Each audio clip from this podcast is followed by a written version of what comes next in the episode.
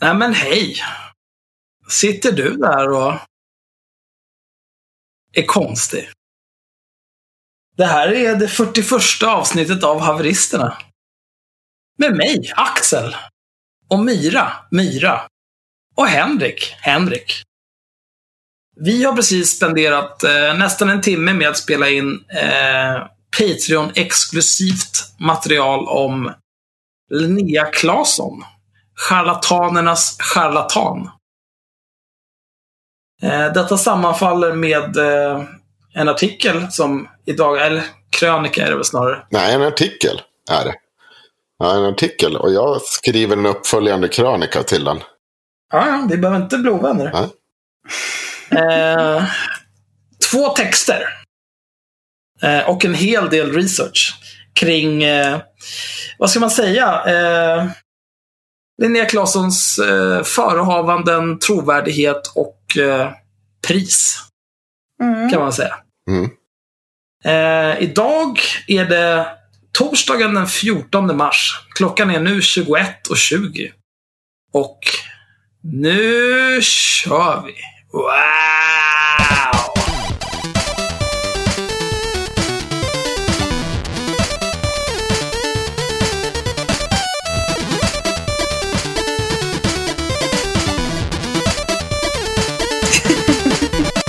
Med så har jag en eh, liten shoutout till eh, Moderaternas starke man i Alingsås. Det är klart du har. Jonathan Bestå, som eh, när jag la upp på Twitter att vi var, eh, hade 499 följare på Facebook. Så la jag bara upp frågan, vem blir den 500? Och så var det någon, jag minns inte vem, som föreslog Jonathan Bestå och taggade honom. Och mycket riktigt blev Jonathan Bestå vår 500 följare på Facebook. Mm. Jag har självklart eh, eh, follow for follow, liksom, så att jag följer numera Moderaterna i Alingsås. Ehm, och det har inte varit supergivande än så länge, men nu är det så här. Det har ingenting Eh, att göra med att du har skaffat eget företag med andra ord. Nej, absolut inte. Jag... Eh, eh, alltså Moderaterna, de är ju lite slappa i det där när det kommer till att avskaffa skatter och så vidare. Man skulle vilja ha ett, eh, ett alternativ mer till höger. Mhm. Och sen bor jag ju inte i Alingsås heller. Men eh, det, det kan ju vara en bra grej om eh, du lyssnar på den här podden och inte följer oss på Facebook så kan det vara en bra grej att göra det. Det kan också vara en bra grej att bli Patreon så att du får lyssna på allt det här vi just har sagt om Linnea Claesson plus en massa annat. Och du får dessutom eh, en exklusiv Patreon-roll. Nej, Discord-roll. Gud. Fast rollen heter Patreon. Wow. Vilken grej. Mm. Eh, och där kan du sitta och skova tillsammans med alla andra som sitter och skovar i den kanalen. Jag och Henrik är inne dagligen och spelar olika typer av spel. Och skovar, givetvis. Såklart. Myra ska jobba på det. Ja, Och varje helg skäller vi ut nazister som jag bjuder in. Ja. Det är Axel mindre nöjd med. Ja, det skulle jag fan kunna överleva utan alltså. Mm. Va, vad ska du säga Myra? Nej, jag eh, får väl, jag får väl bättre på det. Jag har gjort så mycket så jag laddade ner appen till min telefon igen. Oj, Så långt har jag kommit. det är stort. Det är stort. Och jag har så, jag har så lite ork och tid liksom. Mm. Jag tar inte så bra betalt för mina föreläsningar så jag måste ju göra väldigt mycket jobb istället. Ja, det är sant. Ja, själv så... Jag ska ju skriva två böcker nu också så att... Oj. Varför ska du skriva två böcker? Det låter helt sjukt. Ja, men därför att jag ska det. Eh, Ja, ja. så- ja, du får jättegärna göra det. ja, jo, tack. Ja, jag, jag stödjer dig i din uh, Pursuit of Happiness och böcker. Mm. Tror det blir bra. Eh, I övrigt så pratade vi senast om Captain Marvel. Och den har jag sett. Mm. Wow! Vad vill du säga om Captain Marvel? Nej, men det finns inte jättemycket att säga. Det är en extremt typisk origin story. Vem är jag? Hur blev jag så här? Vad kan jag? Och här får du en jävla smäll på käften. Håll truten nu. Bra. Det är typ det. Vad tror du om den nya Hellboy-filmen då? Ja, det kan nog vara bra. Jag tyckte väldigt bra om den förra Hellboy-filmen. Mm. Men nu är det ju, de rebootar ju nu. Mm. Det är ju inte Ron Perlman som är Hellboy längre. Nej, så jag vet inte om jag kommer tycka lika bra om den här. Det som var så bra med den förra var att den var lite så halvkackig, typ. Jag tyckte det var nice. Ja, men det kommer nog vara samma sak. Alltså den var ju lite lik eh, Deadpool på det viset. Både första och andra. Eller första mer än andra tycker jag. Mm. Eh, Hellboy. Sen den här nu. Jag, tycker, jag gillar han skådisen som spelar Hellboy nu. Vad fan heter han? Dave Harbour. Han som spelar sheriffen i Stranger Things. Ja. Han är, han är okej. Han har ju lite samma utseende som Ron Perlman också. Han ser lite så här stenåldersmanlig ut. Ja, de är olika typer av neandertalare. Ja. Men det kan nog bli bra. Hörrni ni? Ja. Vad händer nu? Ska du förstöra vårt härliga Ja, kallprat? det ska jag göra. Absolut. ja, men gör det då. Igår var England ungefär, eller ungefär, de var Nej. fyra Nej. röster från att kasta stora delar av Europa in i en total jävla kaos. Nej, vi ska inte prata om Brexit. Jo, vi ska Nej. verkligen det. Men det är för Ja, dumt. men vi måste verkligen Nej, göra det nej, snart. men inte nu. Nej, men inte nu. Jo. Först ska vi prata om din idiotiska Reddit-tråd. Jag har inte ens sett det här. Ja, då får ni göra det. Du har inte vad? Då får ni göra det. Vad ska vi prata om? Det var ju du som gjorde den. Jag har inte, jag, jag har inte lagt till den som ämne. Nej, men jag har ju gjort det, har jag inte? Ja, prata om den då. Din jävla Nej, men okej, då skiter vi i det. Då gör vi så här. Jag stryker alla ämnen som jag har lagt till och så får ni prata om det. Ja, just det, det är jag som har lagt till alla ämnen här. Nej, men då, då blir det inget avsnitt. Då klipper vi här. Mm. Då var det bra så. Mm. Tack för den här tiden, kära lyssnare. Skönt. Nej, nu blir det inget. Nu har jag fått nog. Jag, vill fortfarande prata klart om Nej, men Brexit. du pratar på. Absolut. Jag är inte arg. Ja, men nu tar vi det. För det hände igår. Fan vad smutsiga Ja. ni är alltså. Du Fyra har ju precis fått prata en röster timme. från Du har fått kaos. prata en timme om ditt Fyra eget röster. detta. Nej, jag blir så sjuk i huvudet. Fyra Du, du jävla har fått prata röster. en timme om dig själv, Ja, Henrik. okej. Fine. Fine. Och nu får inte jag, jag och Axel får inte ens prata fem minuter om Marvel. Mm. Och, och tid, serietidningsfilmer. Okej. Eh, jag, vill- jag tycker att Brexit är dumt. Eh, allting går åt helvete ändå. Jag har slutat bry mig om eh, politik.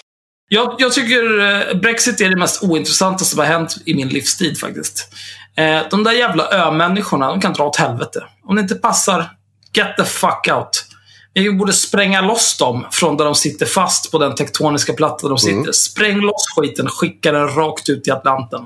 Vem fan bryr sig? Men kom ihåg nu att det var fyra röster från att de löste det där själva. Det finns ingenting att lösa.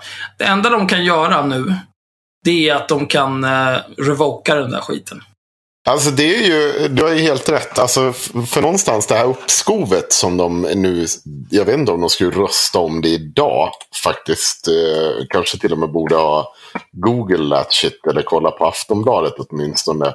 Men Ja, för hade du lagt till det som ämne kanske du hade gjort det, men nu gjorde jag inte har det. lagt till det som ämne. Men det behöver finnas länkar, Henrik, så att vi har någon Ja, typ av diskussionsunderlag. Jo då, det är klart. Nej, det är inte det.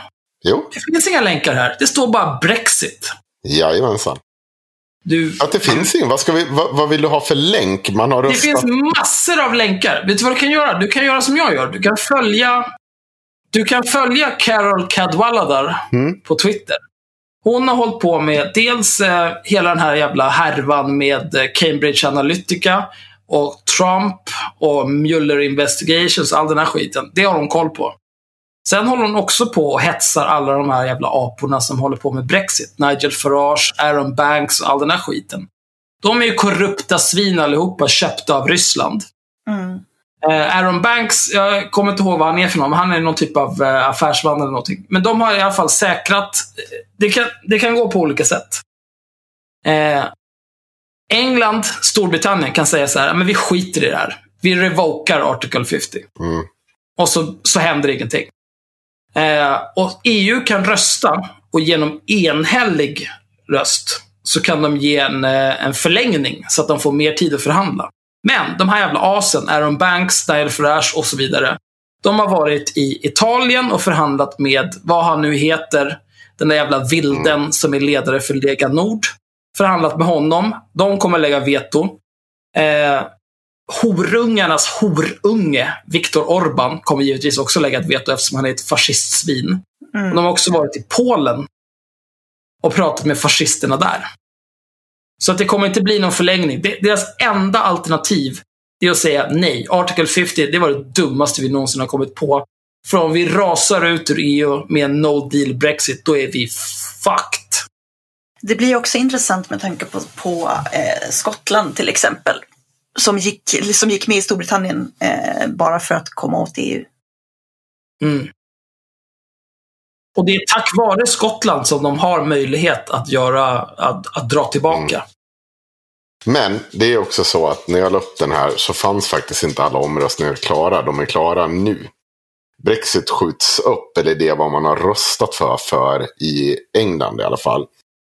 Och precis som du säger att man också röstar för en ny omröstning och det blir det inte. Utan nu bara skjuter man på the deal. Och problemet är att EU, för den som inte hänger med i det här, så är att EU har ju förhandlat fram en deal med England. Och den här dealen är man klar med nu från EUs sida. Där är man väldigt tydlig. Det blir inga fler deals. Det blir inga omförhandlingar av det avtalet. Det är det här avtalet ni har att ta ställning till. Inget annat, inget mer. Så det enda man har gjort nu det är att skjuta på den kaoset som kommer komma vid ett hard Brexit. Eller att man vid nästa gång faktiskt bestämmer sig för att eh, eh, ta den här dealen. Och ett hard Brexit det betyder alltså gränsövervakning från dag ett runt hela jävla England. Irland går i tu igen.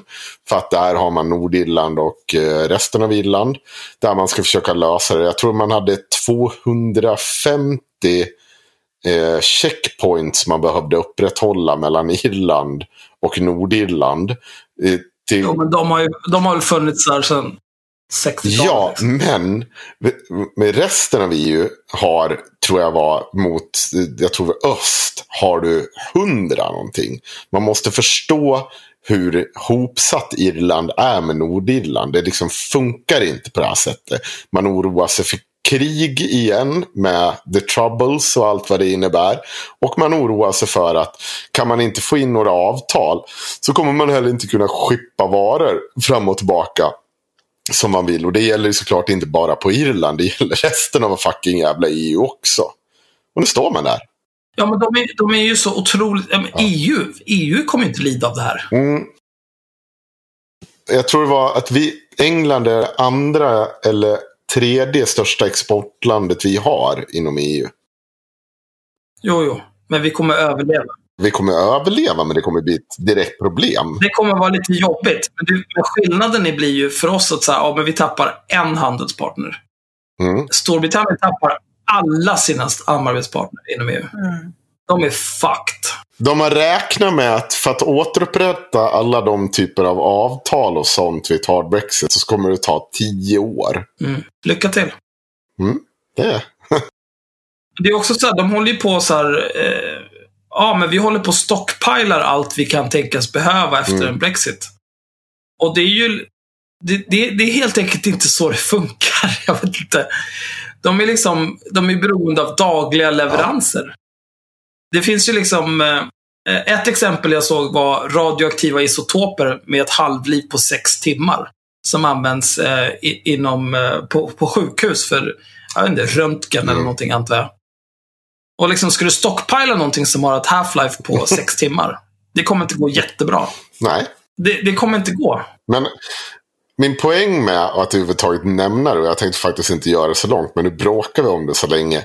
Det var ju att, alltså fattar ni att vi var fyra röster från att en hard Brexit om, vad är det nu, 15 dagar. Alltså vilket totalt jävla kaos det kommer bli. Jag, jag är helt för det. Ut med skiten bara. Ja, men jag är inte, jag är inte så, jag, jag, jag, jag, vill ju någonstans, eller alltså så här, har du röstat för det här och du får den här, det här kommer påverka din industri, det påverkar jobb, det påverkar ekonomin, det påverkar här, ni får skylla det, ja Men får, de får ta, ta det. det. Så är det ju, men man vill ju inte gärna att människor ska gå runt och vara fattiga i onödan om de inte behöver det. Ja, men fuck de där människorna. De fattade fel beslut. Jag har problem med det. Rösta rätt nästa gång så slipper du det där. det. Ja, man hade kunnat tänkt igenom det lite längre. Ja, men det är ju så. Ant- Antingen, antingen så har vi demokrati och då, får folk, då är folk fria att göra dåliga val. Vill du skjuta heroin rakt in i ögat? Fucking do it. Men om du dör, liksom, vad tror du? Vad trodde du skulle hända när du gjorde det där? Ta ansvaret för Man dina... måste ju få säga det att det här är en av de folkomröstningarna där politikerna inte kommer ta det, bära det tunga ansvaret. Ja, visst, de kanske missar några kronor i ersättning när de blir avsatta. Men i huvudsak så är det folket som kommer drabbas av det. Otroligt hårt. Absolut. Men det är ju folket som har röstat. Ja, Problemet är väl snarare att de som har röstat visste ju knappt vad de röstade på. Nej. Det, det är bara att kolla, det finns ju artiklar om det där liksom. Dagen efter omröstningen om Brexit så skyrocketade eh, Google-sökningar på så här, What is Brexit? För folk hade ingen jävla aning om vad de hade röstat på, för att de begrep inte vad det var. Utan de gick på de här jävla lögnerna från Ukip och alla de här svinen som är köpta av Putin. Nej, men de ville ju, jättemånga röstade ju bara för att de ville ha mindre invandring och de tyckte att det var EUs fel att de hade invandring. Ja. Ja, men det är för att de inte begriper den, den verklighet de lever i. Liksom. De invandrare de har där, det är precis som i Sverige. De invandrare de har i Storbritannien, är, ja, det är värre för Storbritannien. För att de invandrare de har kommer från Commonwealth-länder och forna kolonier. Så att jag skulle nog säga att de har ett visst ansvar för de människorna. ja. Och sen är det ju också att precis som här så är det ju så att invandrarna bär ju upp hela jävla ekonomin genom att göra de jobb som de infödda inte vill göra, som de tycker att de är för fina för. Det är precis samma sak i USA. Vem ska plocka alla deras jävla apelsiner? De är för fina för att göra det själv, så mexikanerna kommer dit och gör det. Och om ingen gör det, ja då blir det inga apelsiner och en massa företag och människor blir arbetslösa och går omkull. Allting går åt helvete. Ja, men alltså det är ju det där, det är precis samma sak som Sverigesar i Sverige som um, när man liksom vill missnöjesrösta för att man är arg på Löfven och etablissemanget. Det här är ju liksom en global rörelse av en massa jävla idioter som upptäckte politik last Sunday. Och sen så vill de plötsligt så ska de liksom veta om allt för de har minsann röstat på sossarna utan att tänka i 50 år. Precis som sådana nyfrälsta 16-åringar som vet allt om politik. Bara det att de är typ 40. Ja, de har sett ljuset och de är, de är privy to en hemlighet som inte alla känner till. Jag kan en hel del. De är som Greta Thunberg liksom, fast dummare. Åh. Ja. Oj, ja. jo, men det kan jag gå med på. Mm. Jag köper det. Apropå Greta Thunberg. Mm. Eh, Hashtag team Greta. vi, har, vi har en punkt här som heter Team Greta. Känner vi att vi är klara med Brexit? För att Ja, jag, ja. Med Team Greta, det finns mycket att säga om Team Greta. Eh, jag tänkte framförallt, dels har hon ju blivit nominerad till Nobels fredspris, vilket jag tyckte var roligt. Mm. Tillsammans med Eh. 300 andra. Ja, med 300 andra. Och tillsammans med Hitler, icke att förglömma. Hitler. mm. Och Donald Trump. Tror jag. Har han också? Ja, det är klart att han har blivit det. Eh, men det har ju också skrivits en hel del sköna grejer om Greta. Eh, jag tror vi tar från... Alltså jag har aldrig fattat hur man uttalar det här. Polymasaren. Är det så? Polymasar. Polymasaren. Polymasaren. Jag vet inte alls vad det är. Oj. Ja, det finns en hel del sköna kommentarer i alla fall som har skrivits om Greta. Eh, courtesy av eh, världens bästa fria tider. Hurra! Jag tänkte läsa lite här. Det här är en kille som heter Kenneth Bodin som har skrivit en öppen post på Facebook, publicerad den 9 mars. Fria Tider har ett av landets absolut vidrigaste kommentarsfält.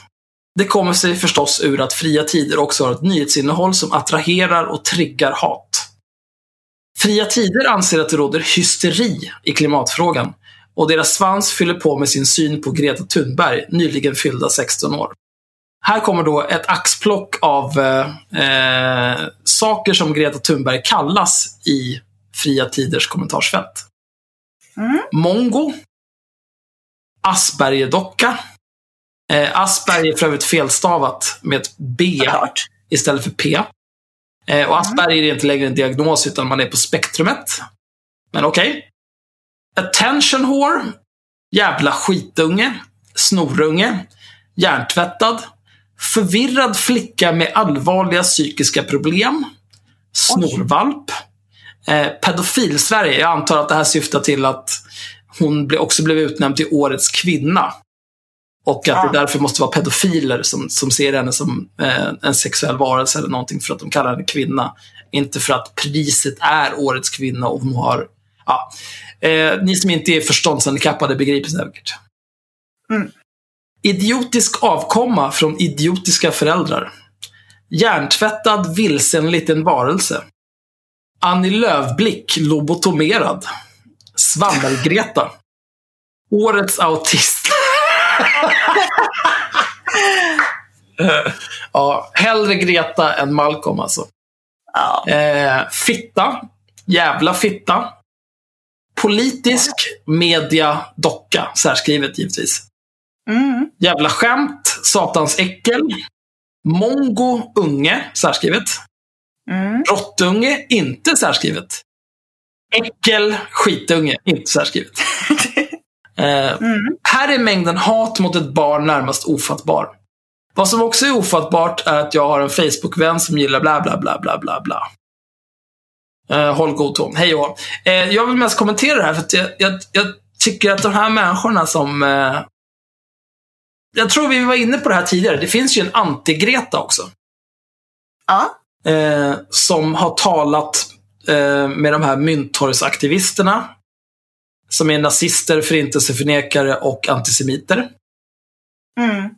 Eh, där bland annat, vi pratade om det i ett avsnitt där det var den här idioten från partiet Populisterna pratade om George Soros och eh, judarna. Eh, eh, vad fan var det? Uråldriga bankirfamiljer. Absolut. Bra kodord, Hitler. Mm. Eh, Trippelparenteser, globalisterna. Ja. All den här skiten. Eh, och Anti-Greta, jag tycker att hon, jag följer henne på Twitter. Eh, hon är ju tvivelaktig på många sätt. Eh, men det grövsta jag har gjort, det är att retweeta henne, ta det hon har skrivit och köra det i mitt SpongeBob-skript. Mm. Det är det absolut grövsta jag har gjort mot henne. Och till och med då kände jag, ah, för hon är också 15-16. Å andra sidan så satt du ju faktiskt bara tidigare idag och sa att du ville åka hem till 15-åriga nazister och slå in skallen på dem. Slita armarna av dem, det är faktiskt en helt annan sak. Jag tror att du sa både och. Nej, det var slita armar. Ja, vi kan, kan lyssna på det sen. Jag är rätt säker på att du sa både och. Ja, men det, men det är också, det var en personlig kränkning. Eh, Det var ett försök till en personlig kränkning. Den här skiten tar jag inte. Nej. Eh, Och det här är liksom, jag ser både Greta och anti-Greta. Det är ju bara, eh, det är ju, jag tycker att det är förminskande att säga barn. De är ju liksom 15-16, man är ändå en tänkande varelse när man är så gammal. Mm. Men, men det är ungdomar som eh, är väldigt säkra på sin sak och som, som är övertygade om att de gör rätt och de är inte tillräckligt gamla för att veta att man oftast gör fel. Framförallt så har man väl inte, som barn så har man inte satt sig i så många situationer där man kanske tvingas göra fel till mer större eller mindre utsträckning. Jag menar, det är jävligt lätt att vara ideologiskt renlärig som barn när du inte själv till exempel eh, måste betala räkningarna eller Eh, alltså, säg till exempel att det går jättebra att vara så här, vi ska, vi ska bara köpa, man ska bara köpa svenskt kött och liksom ekologiskt och sådär. Men sen en dag så står du där och har 15 kronor på kontot och du kan köpa eh, danskt grisbacon för 11 kronor och då har du råd med det. Eller så kan du inte köpa något bacon så väljer du att köpa det danska grisbaconet istället och så Mm. gör du ett omoraliskt val. Därför att det är någonting som du tvingas göra. Det är fullt av antibiotika och smuts. Ja. Nu, nu vet jag att liksom in, alltså, av, vad ska man säga, invändningen till det här är att man behöver faktiskt inte köpa kött. Och nej, det behöver man inte. Poängen jag vill göra är väl mer att det är väldigt lätt som barn som inte har den typen av krav på sig. Jag tror dessutom att Greta har förmodligen rätt bra ställt hemma till exempel. Vilket innebär att hon kanske inte har behövt fundera på saker som konsumtion jättemycket. Eh, och jag tror att hon också kommer sitta en dag i ett sitt, vuxet liv, sitt vuxna liv där hon sitter i en situation där hennes bekvämlighet tar företräde för hennes ideologiska. Ja, det tror jag absolut.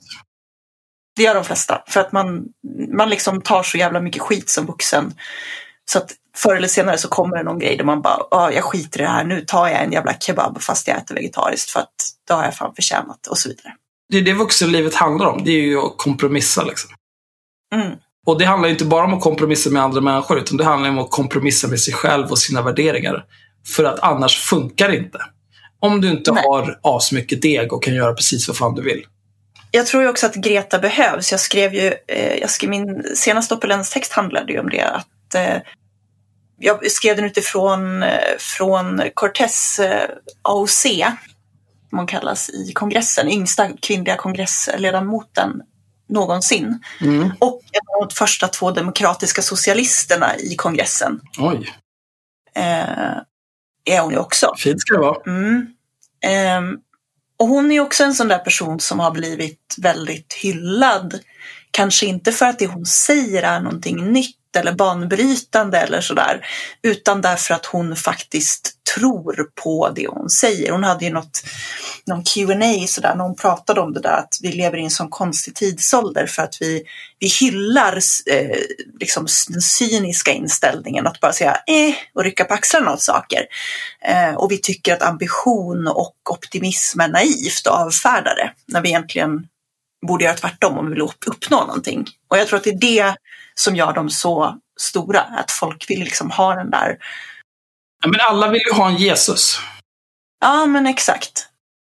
Så jag tror att Greta är viktig liksom så. Jag vet inte om det liksom är så att hon kommer att alltid vara Greta. Eh, men jag tror att hon kan vara en viktig symbol för många. Mm. Det kanske inte funkar på mig, men jag tror att det kan funka på många andra. Nej, jag, jag, jag vet inte. Jag är oberörd av Greta faktiskt. För det är, liksom, det är inte som att hon har någonting att tillföra. Eh, förutom, det var ju, vad fan, jag läste någonting. Alltså, alltså, eh, någonting stämde väldigt starkt. Vad fan är det som händer? Men de håller på att bom- eller vad heter det, spränga i berget som jag bor på. Oj, vad sjukt. Mm. Mitt i natten. Ja, men de spränger typ fram till klockan nio eller något. Ja, fan vad rimligt. Mm. Eh, men eh, jag läste någonting jag höll med väldigt mycket om. Det var att liksom, även om hon ju, har ju liksom ingen expertis att bidra med. Men hon kan fungera som en katalysator för att se till att någonting händer kring de här frågorna. Mm. Eh, och det tycker jag att hon gör på ett strålande vis genom att leva som hon lär, till skillnad från vissa andra människor vi diskuterat ikväll. Hon har ju faktiskt inspirerat skolstrejker bland alla andra ungdomar eh, över stora delar av världen. Men hon är ju inte världskänd för intet liksom. Nej. Jag tror, att, jag tror att vi i Sverige också har svårt att, speciellt vi som tycker att det är lite så här töntigt, har kanske svårt att förstå hur mycket av en global symbol hon har blivit. Men det är också lite jante. Så här. Kommer den här lilla Ja. jävla loppan så att hon är någonting. Oh, check. Ja, Vilka vi som tycker att det är lite töntigt? Jaha. Ja, oj. Ja, jag vet inte.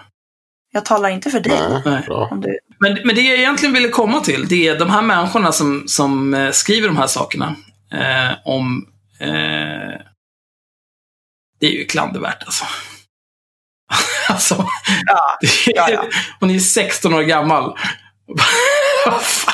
Hur, hur mår man om så här, en 16-åring som bara säger men det vore bra om vi inte brann upp allihopa i skogsbränder eller drunknade av översvämningar för att polerna har smält. Mm. Jävla Mm. fitta och käften.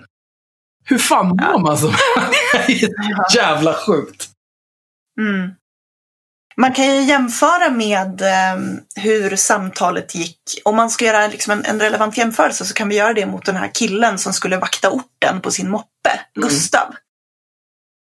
Där ju, där ju en medarbetare på, på P3 skrev att han var pinsam eller töntig. Jag kommer inte ihåg exakt. Han var världens största tönt. Ja.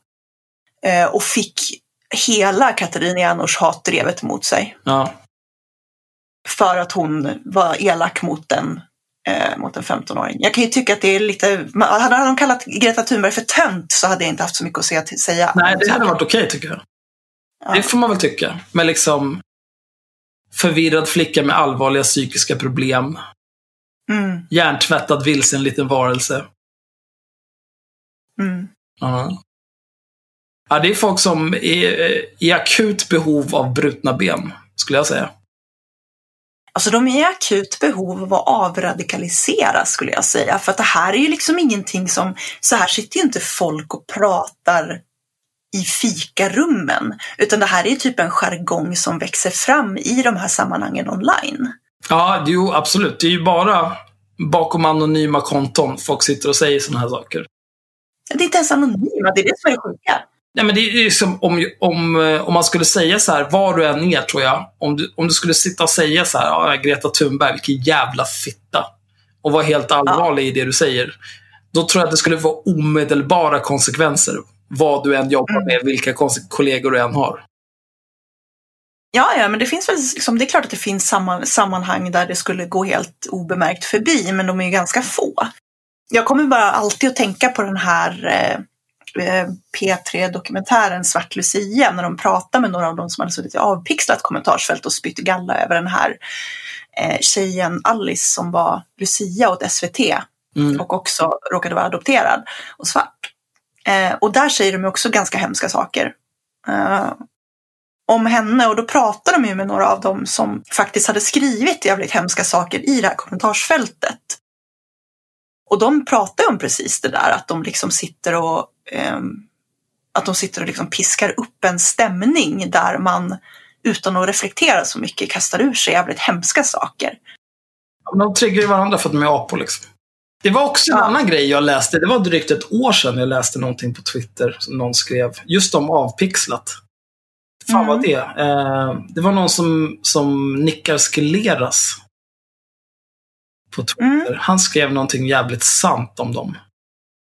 Ja, jag kommer inte ihåg. Ni kan ju söka se om ni hittar det. Oh. Vi går raskt vidare från både Greta och anti-Greta. Eh, jag tänkte att vi skulle prata lite grann om våra gamla, gamla vänner Ingrid och Konrad. Mm. För de, eh, det här är en gammal grej. Men nu har det blivit lite tråkig stämning. Och det här, blir nog en, det här kan nog bli en liten högläsning. Det är en ganska kort text. Ja, läs lite. Mm. Gud vad trevligt vi ska ha det. Eh, jag ska se. Det här är publicerat den 7 mars av Maria Selander.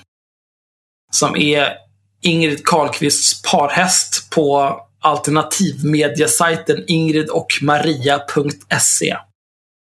Eh, och det här kommer vara dumt. Dags för rättegång.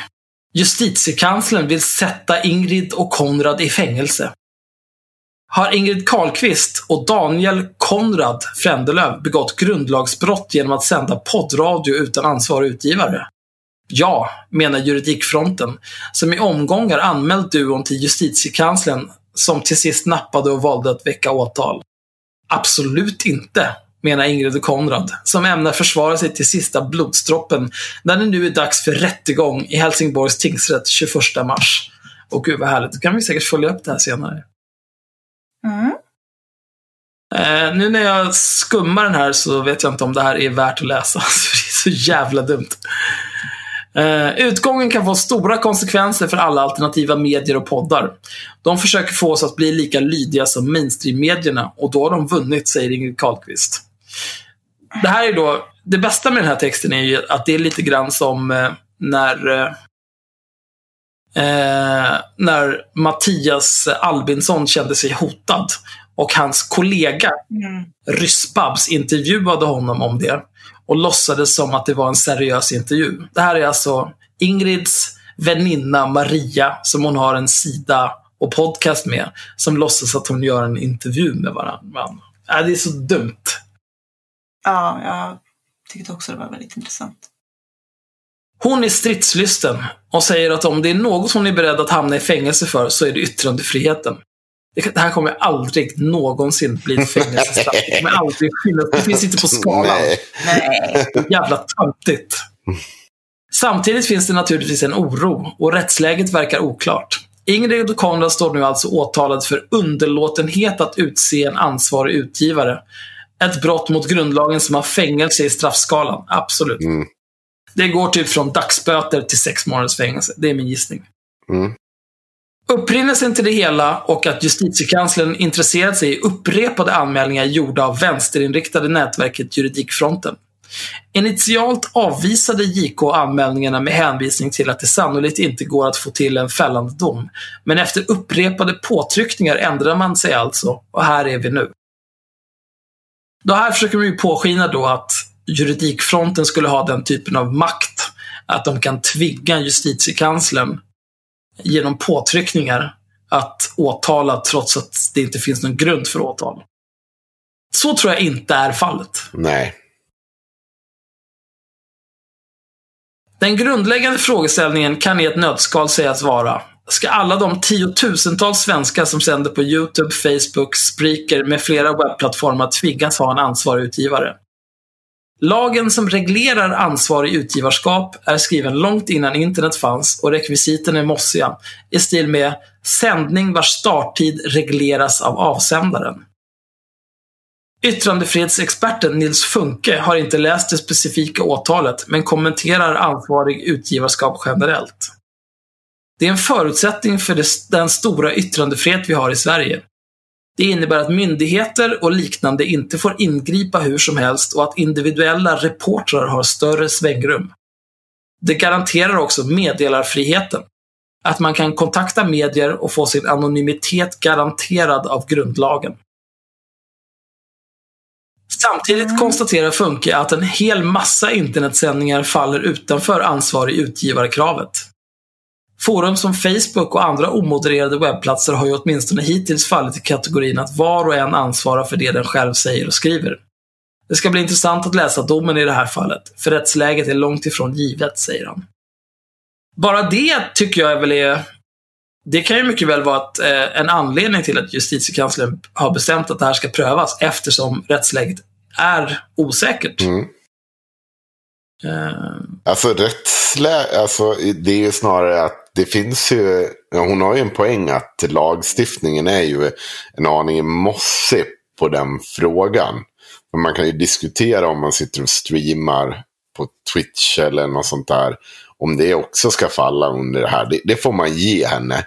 Eh, det tänker jag. Hon är för övrigt helt slut i huvudet. Det är, hon, det är det hon skriver. Ja, jag kan också hålla med Ja. om det, för att det blir ju... Just det här ligger... Narrativet här är ju att eh, vi gör den här grejen som borde vara skyddad av yttrandefrihetsgrundlagstiftningen. Mm. Många andra, tiotusentals andra, gör samma sak. Varför blir just vi åtalade? Men, ju... men, men det ska också tilläggas att de har faktiskt fått det här påtalat för dem. Men de har fortsatt ändå. Ja, de får ju en Mm. varning först liksom. IRMs podd fick ju samma. Ja, fick vi verkligen? Ja, det kanske vi fick. Ja, det fick vi nog ja. Mm. Men det var ju efter en livesändning på Facebook och det var lite oklart om det verkligen var samma sak.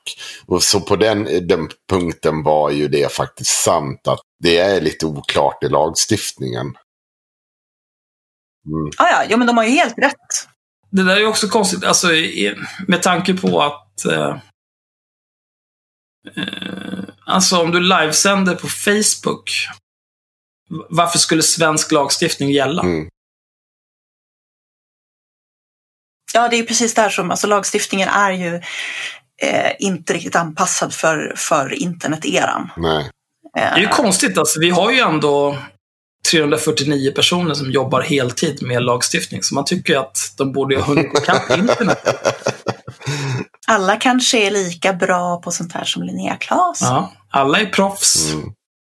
Nej, alltså, eh, jag, jag tänker aldrig mer betala skatt. Nej. Ah. Ingrid Carlqvist för sin del är helt övertygad om att hela operationen är ett sätt att försöka skrämma och tysta dissidenter. Absolut, din jävla dåre. Såklart. Att hon och Konrad inte, ansvar, inte anmälde ansvarig utgivare då de uppmanades att göra detta beror på att de var övertygade om att det hela var en fälla. Oj, skönt att erkänna att man har paranoida vanföreställningar. Det är ju inte sant heller. De skrev ju ett långt svar på det där också. Var så jävla uppkäftiga. Det här är, en, här är en rolig formulering. Efter att ha intervjuat ett flertal höga jurister. De menar ju höga som eh, liksom... Är påtända. Nej, höga ämbeten. Inte, men, men det ser ju ut som, efter att ha intervjuat ett flertal höga jurister, det låter som att det är bara tjackpundare de har pratat med. Bland annat Olof Zachrisson, då rättssakskunnig på justitiedepartementet och specialiserad på frågor som gäller tryckfrihetsförordningen och yttrandefrihetsgrundlagen, kom Inger Carlqvist fram till två för henne helt avgörande saker. Hon hade inget grundlagsskydd med förbud för myndigheter att efterforska källor att vinna på att anmäla en ansvarig utgivare. Lagen är inte anpassad efter den teknikrevolution som följt med internet och därmed inte tillämpbar. Var det Ingrid Carlqvist som kom fram till det här verkligen? Det känns ju som att de här höga juristerna, trots att de var tjackade bortom rimligt vett, borde varit de som kom fram till det här. Oh. Ja. I podden Bakom kulisserna del 2 ställde hon frågan till Zackrisson. Håller du med mig om att det är väldigt oklart huruvida poddare som direktsänder på YouTube måste anmäla ansvarig utgivare? Ja, hmm, jag kan i vart fall inte säga här och nu att de här reglerna gäller för den typen av sändningar, svarade Zachrisson. vad spelar det för roll vad han säger? Det måste ju, Nej, måste ju prövas i domstol om, om lagen gäller eller inte. Det är så efterblivet det här alltså. Det är väl jättebra om man ser över den. Eh, men det är ju roligt att eh, de vill göra det till att det handlar om att man vill tysta dem specifikt. Men de är dissidenter. När jag tänker på dissidenter, då tänker jag på hon som blev dömd till 148 piskrapp och 38 år i fängelse i Iran häromdagen. Mm. Eller typ de studenterna som blev mördade på Himmelska fridens torg. Eller alla de som sitter i arbetsläger i Nordkorea. Det är dissidenter. Skulle man kunna dra någon sorts parallell till hur, hur glada den här sfären är i att säga att svenska feminister ska hålla käften för att kvinnor i eh, Afghanistan tvingas ha slöja på sig? Ja, det finns nog. Eh, jag, tror att i grund och botten så handlar det bara om eh, narcissism och någon typ mm. av grandiosa vanföreställningar. För, alltså, Ingrid men det är ju ingen som känner till, alltså det är ingen som känner till, de är ju inte hushållsnamn på det sättet. Nej. Som de gärna vill tro. Nej, det här är bara trams. Oh, Ingrid tror inte själv att hon eller Konrad sagt någonting som är åtalbart. Men kanske någon av deras många kontroversiella gäster gjort det. Och detta har varit juridikfrontens mål hela tiden. Att sätta dit dem för det. Men det är ju det en ansvarig utgivare, det, det, handlar ju inte bara om vad de säger, utan vad de publicerar. Jävla idioter. Ja, det är ju hela ja. livesändningen som är den ansvariga utgivarens ansvar. Ja. Det är ju, ja. Det är som att publicera en tidning då, och har en ansvarig utgivare. Då kan du inte liksom ta avstånd från insändarna. Och bara, nej, nej. Det här var inte, det här har inte jag med att göra. Det här är ju en insändare. Mm. Ja, men precis. Om de kan fälla oss kommer de att kunna ge sig på alla andra politiska poddar också. Jag uppmanar alla som har möjlighet att komma till Helsingborgs tingsrätt 21 mars klockan 13 och att vi kan fylla rättssalen med folk som observerar vad som händer. Det handlar ytterst om att makten vill få tyst på all kritik, säger Ingrid Carlqvist. Absolut. Mm. Det här, alltså jag tycker de här såna här call to arms är så jävla patetiska. Vad vill de att folk ska göra? Liksom? Ja, alla som har en politisk podd i Sverige kommer sluta upp. För det här är, det här är en fråga om free speech. Vad free speech? Aj. Men de har, ju märkt, de har ju märkt att det där funkar för en massa konservativ höger som har blivit kickade från Patreon och så vidare. Ja. Aron Flam har ju också försökt köra den där. Ja, men han, den har ju lyckats på sätt och vis. Jag vet, vi hade, jag vet minst en av våra tidigare patrons som har avslutat sitt Patreon-konto för att eh, han tyckte att det var my free speech och så vidare. Mm. Eh, men det Good här är ju riddance, så här, den här typen av så här aplibertarianer som är så jävla efterblivna och aldrig haft ett riktigt problem i hela sin liv som inte fattar att vissa människor ska bara hålla käft. Alltså framförallt så förstår jag inte hur man orkar göra det här till så här, absolut. Man kan vara sur för att Patreon blockar någon för att de har sagt en ordet i en annan podd. Inte material som ligger på Patreon. Så här, det kan man tycka och ha för åsikter om. Men då vill inte Patreon ha det, då samlar du in pengar någon annanstans. Det har ingenting med yttrandefrihet att göra. Det finns ju Paypal, det finns ju fan kryptovaluta. Ja, när banker börjar vägra dig att öppna konto, där kan du börja klaga. Då kan du börja liksom tycka att det börjar bli ett problem. Knappt, eller ja i och för sig, men då blir det ju... Då blir det så här... Eh, då, då blir det ju en annan problematik, för då är det så här banker som Swedbank som säger ah, nej men vi vill inte ha Nordiska motståndsrörelsen som kunder. Nej, nej, men ni kan tvätta pengar åt ryska maffian i Baltikum, era jävla apor. Det går bra. Men banker är ju onda liksom. Men Bankor borde avskaffas. Mm. Bränn ner allting. Men, men alltså är det så att du, för att i och med att vi är på väg mot någon sorts kontantlöst samhälle så är det ju ett problem om du inte kan få konto hos någon bank. Då sitter du ju lite i skiten. Och det kan jag ha så här, jag kan liksom ha viss förståelse för att man blir sur över det. Sen så tror jag också att, att banker har ju lite annan, eh, lite andra du kommer ju inte förvägras ett bankkonto för att du har sagt ett fult ord på Youtube. Utan du ska ju syssla med olaglig verksamhet i någon form för att de ska säga nej. Ja, någon typ av klandervärd verksamhet som banken inte vill associeras med. Mm. Men har du... Vilket i sig så här, den, den gränsdragningen kan bli ett problem. Eller så här. Eh, någon typ av klandervärd verksamhet som inte är tillräckligt lukrativ för banken att associera sig med. Mm. Snarare. För banker är ju svin. Och borde förbjudas. Ja. Eh, nej, men jag vet till exempel att eh, alltså banker har ju, har ju för- förbjudit eh, jag vet att, att FUK-förbundet hade problem med att få ett bankkonto för sina pengar därför att de tyckte att de sysslade med någon typ av ohederlig verksamhet trots att de inte gör De det. trodde att de skulle bli åtalade för koppleri, eller? Jag har ingen aning. Alltså, jag menar, föreningen sysslar ju inte med någon typ av Ja, men det sexarbete. måste ju, vad Det är skulle det annars ha varit liksom? Det verkar helt Ja, men det, precis. Men det är det jag menar med att eh, när, en bank, när banker börjar säga nej, där har du ett problem. Att du inte kan samla in på en av de många plattformar som finns online för att samla in pengar. Inte riktigt ett yttrandefrihetsproblem. Nej. Men det är också så här. Om det verkligen kniper. Här är min adress. Skicka Mm. pengar med snigelpost. Ja. Lägg en femhunka Men i ett kuvert. Skicka rekommenderat. Inget problem. Men det är väl det där, många av de där vet ju också att de tappar en jävla massa lyssnare eh, också där när de blir blockade från sociala medier. Ja, det... I och med att, att, att, att konsumenter har blivit så jävla lata. Mm. Förut var man tvungen att gå ut och köpa kvällstidningen. Ville man lyssna på eh, en skiva så var du tvungen att köpa det. Nu är det så här, ah, men det här finns inte på Spotify, då lyssnar jag inte på det. Fast jag kan lyssna på det på en webbsida två klick bort. Nej, det pallar man inte. Nej. Så konkurrensen har blivit hårdare och det förstår jag att tappar du Patreon så tappar du ju säkert jättemånga följare som aldrig kommer leta upp dig igen för att så intressant är du inte.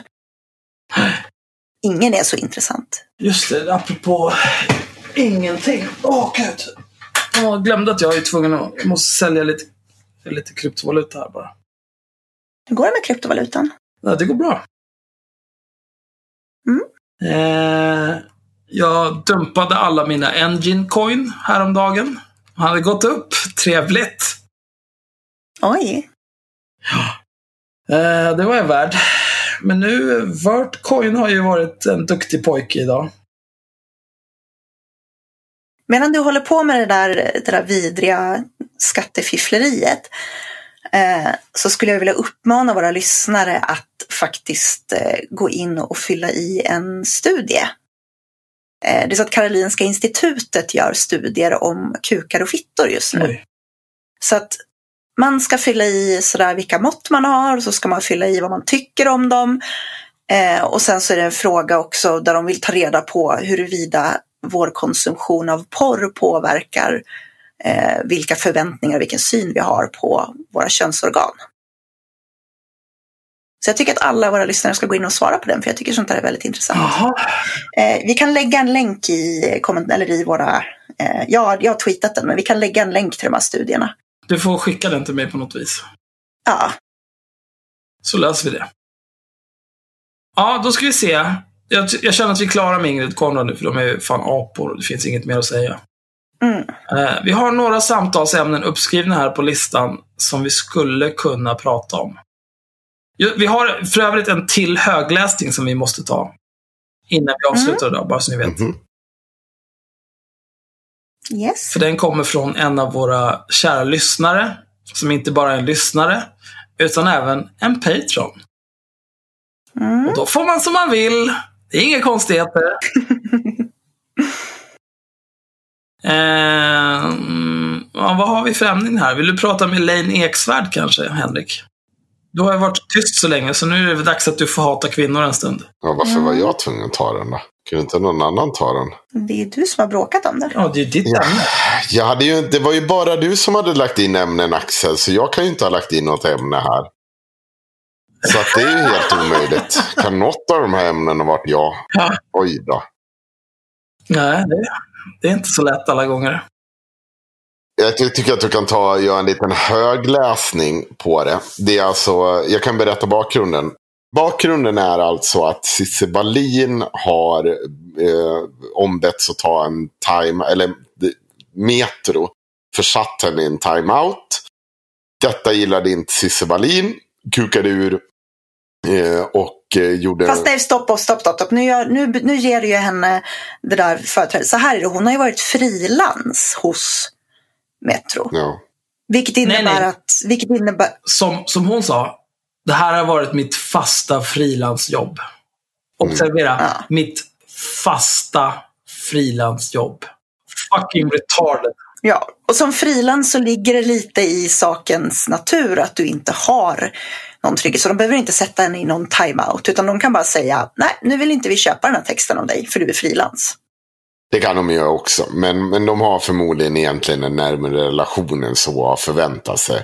Så, men absolut, praktiskt och eh, juridiskt kan de nog göra det. Men skit i samma. Jag har en bra relation till min krönikörs och liksom eh, som min ansvarig. Så jag, det kan jag väl förstå. Men hur som haver, hon har sagt en massa saker enligt Metro i sociala medier som har gjort att de har börjat bli lite, ja, de tycker att det här börjar bli lite drygt och de vill stoppa det. Eh, de det har de syftar hänvisat... på är ju eh, det påstådda förtalet mot... Ja, fast det är mer. De faktiskt Nej. lägger fram mer. Hon, hon, har, hon har hängt ut eh, lite, lite anklagade den här Bosse, eller vad fan han hette, som var och tallade på småbarn i USA. Ja. Svenska sportjournalisten eller vad han var. Hon la ut hans namn och bild till exempel på sin Instagram trots att han inte är dömd. Det var ett av, en av grejerna. Ja. Och sen har hon ju suttit och hetsat mot olika privatpersoner också. Det är ingenting de Eh, refererar till. Utan det, är hon, de, de har några bilder som hon, de påstår. Vi vet ju inte exakt vad de hänvisar till. Men Det spelar ingen om roll. vi, det spelar ingen roll för att ja, det har varit lite, hon har vevat ganska vilt till höger och vänster. Eh, men när det här sker så under den perioden så blir också Magnus Bettner eh, rekryterad till Metro som krönikör. Och nu kan du läsa. Ja, men ni behöver inte läsa än riktigt. Nej, det finns, Det finns lite mer. Nej, vi behöver inte läsa hela det där. Det finns ju mer också. Han skriver ju sin första text där. På Metro. För det är ju det som, det är också viktigt för, eh, Ja, det triggar ju. för sammanhanget. Det är det som triggar igång allt det här. Det är vad han skriver sin text om. Eh, han skriver alltså sin text, hans första text på Metro heter Din kränkthet är inte värd ett skit. Eh, och så skriver han då att grejen med kränkningar är att de känns exakt likadant för den som blir kränkt oavsett vad vi andra tycker om det. Och så skriver han ju då att jo men alltså det är ingen, min kränkning är inte heller värd någonting. Det spelar ingen roll eh, vem som blir kränkt. Så jag tycker att det är fånigt att bli kränkt av rondellhunden. Men jag tycker att det är lika fånigt att bli kränkt av en låt om att knulla barn. Eh, det betyder inte att jag inte kan känna empati med den som blir kränkt av det. Man kan säga så här. Eh, Magnus Bettner skriver en ganska dålig krönika där han sparkar upp öppna dörrar som har sparkats Mm. upp i 10-15 års tid. Och de har varit precis lika öppna hela tiden. Mm. Ja. Eh, men det här tolkas ju eh, som att Cissi Wallin har blivit avpoliterad till förmån för Magnus Bettner. Mm. Som är en vit man som skriver att man inte ska vara kränkt om barnknull av barnknullerier. Ja. Mm. Vilket både Elaine Eksvärd och eh, Cissi Wallin är. Ja. För man får inte rulla garn hur som helst. Nej, Eh, så här skriver Elaine Eksvärd på... får jag bara säga, du kan ju stanna vid uppdatering så läser vi svaret mellan där. Ja, visst. Ja.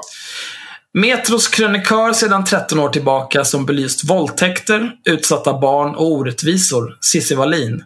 Hon byts ut mot Magnus Bettner vars första krönika handlar om lättkränkta människor som kritiserar publikt. Nyfiken och välmenande fråga till dig Magnus Bettner. Kan vi stanna? Inte när du börjar med att den som har belyst våldtäkter, utsatta barn och orättvisor, det är Cissi Wallin. Hon bytt ut mot Magnus Bettner, vars första krönika handlar om lättkränkta människor som kritiserar. Det är inte... Det, här är, det är så otroligt att den här människan kallar sig för någon typ av retorikexpert. Ja, det är det mest passivt aggressiva jag har läst i hela mitt liv. Det, det, är så här, det är framförallt, här har vi den här goda människan Mm. den här onda människan. Ja. Nu har jag ju- bara en liten nyfiken och välmenande fråga Ja. om det här. Fuck Elaine. Vet du vad? Det, det jag tycker så här, nej men du kan ju välja att se det så att hon är dålig på retorik. Jag skulle kunna säga att hon är briljant på re- retorik. För hon, men det, är ju, det hade ju varit bättre om hon var dålig på det. För det hade inte visat på att det var så jävla cyniskt. Att hon, upp, Hon liksom, är dålig. Nej, jag därför att ty- hon nej, det är- hon inte. Hon Nej, hade hon, varit, hade hon varit duktig på retorik så hade det inte varit så jävla genomskinligt Men vad, Mira- hon, vad hon var ute efter. Jo, fast vänta nu. Inlägget har x antal tusen likes. Det är klart att Ja, hon därför att hennes följare är dumma i huvudet. Jo, men så kan man ju... Jag är är inte- bra på retorik. Nej, det är hon inte. Hade hon varit bra på retorik så hade hon inte varit helt jävla genomskinlig. Ja, det, är som, då- det, är som att säga, det är som att säga att SD är ett bra politiskt parti Ja. för att de är miljontals röster. Det är klart de är. Det är klart Men det de är är bra de på inte. retorik. Jo, men vänta nu. Stopp nu. Det, du pratar ju om vad du tycker om partiet. Nej, men jag- nej. nej, men objektivt. Nej. Hon har en, ett, ett miljonföretag där hon säljer böcker om retorik. Får göra stora föreläsningar. Och Men hon kan ja, Linnea. Claesson får också föreläsa. Hon Jo. är värdelös. Men de kan vara bra på retorik Nej, men för jag- det. jag- det nej. Nej, låt mig förklara varför. Om, om hon vore bra på retorik på riktigt, då skulle det inte vara den här typen av shit-tier. Nej. Om hon var bra på retorik på riktigt, då skulle hon kunna göra samma poäng, men kunna rikta sig till många fler människor och kunna fånga upp många fler människor. Men hon fångar upp fler människor än vad vi gör. Men har jag någonsin påstått att jag är bra på retorik? Nej, men, men hon, hon, hon fångar ju upp breda massor här. Nej, men hon gör ju inte Men det gör, Det gör hon hon verkligen inte. Det är, det är ett par tusen apor på Instagram. Liksom. I beg to differ. Nej, men det är ett par tusen apor på Instagram och det är ett par tusen apor som lyssnar på den här podden. Det är ingen skillnad. Nej. Om hon vore bra på retorik på riktigt, då skulle hon kunna formulera sig så, så att hon fick de här aporna som tilltalas av den här extremt simplistiska här är en ond och här är en god. Vilken sida ska du välja retoriken? Men hon skulle också kunna göra, hon skulle också kunna övertyga mig och Myra. Som tycker att det här är Mm. piss. Nej, fast då kan, jag skulle kunna det är en säga... bra retoriker. Nej, men jag skulle kunna säga då att nej, men hon har slagit igen oss precis den målgruppen hon vill nå. Hon har 106 Men det vet ju 000 inte följare. du. Ja, men hon Men når ju brett ju med sitt budskap. Är Men det inte det, så bra retoriskt? brett. Objektivt. Nej. Jo, det är det väl. Objektivt är, har ju hon slagit igenom. Alltså, så här, det spelar ju ingen roll. Det, det ni stör er Men- på, det är ju att Nej, men nej, du, du, håll käften Henrik. Du snackar skit nu. Det är som att säga Okej. att allting som många gillar betyder att det är bra. inom retorik, det är det du säger. inom retorik Nej. är det ett mätvärde. Nej, det är det inte. Nähä.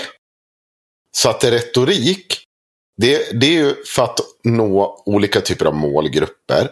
Eller nå Ja, men du vet ju ingenting budskap. om vilka målgrupper hon vill nå, Alltså, eller jag, hur? är, är jag, den enda som har, liksom- jag är den enda som har pluggat retorik i den här. Ja, jag, absolut, av- du, kan absolut ge att du är den enda som har pluggat på Vem fan bryr sig? Skillnaden är så här. Det du påstår, Henrik, Mm. det är att det här är uttänkt och medvetet. Nej, jag säger jag, det jag sa. Jo, eller ja, jag, nej, jag säger att det är ett av två. Antingen är det värdelös retorik. Eller så är det uttänkt och Nej, medvetet. du säger ju att det är bra. Jag säger att det Ja. är bra retorik. Ja, eller, okej, du menar, ja, du säger att det är bra, då Ja. betyder det per automatik att det här är medvetet. Ja, Ja. Jag tror att det är medvetet. Jag tror att hon slår i sitt kapacitetstak när hon skriver den här skiten. Och att det inte blir bättre än så här för att hon är värdelös. Ja, jag tror inte ett skit på det. Jag tror att hon vet precis vad hon gör. Nej, jag har diskuterat med henne på Twitter och det, hon är ju totalt värdelös. Hon kastar sig ju på enkla poänger. Hon kan inte hålla en röd linje i någonting hon säger. Hon är bara känslostyrd och liksom skriver av sig en massa vad hon känner och tycker om saker. Det är, det är precis samma poäng. Du och jag tror att hon slår i sitt kapacitetstak när hon håller på sådär. Ja. Henrik menar att det är med flit. Ja, i, i det här inlägget, ja. I det här inlägget. Nej, Jag har inte uttalat mig om något Nej, annat men det måste ju vara så generellt, för hon håller ju på likadant hela Nej, det tiden. måste det absolut inte vara. Men vad spelar det för roll, Henrik? Herregud. Det är inte som att någonting kommer hända för att du säger så här. Jag tror att det här är med flit.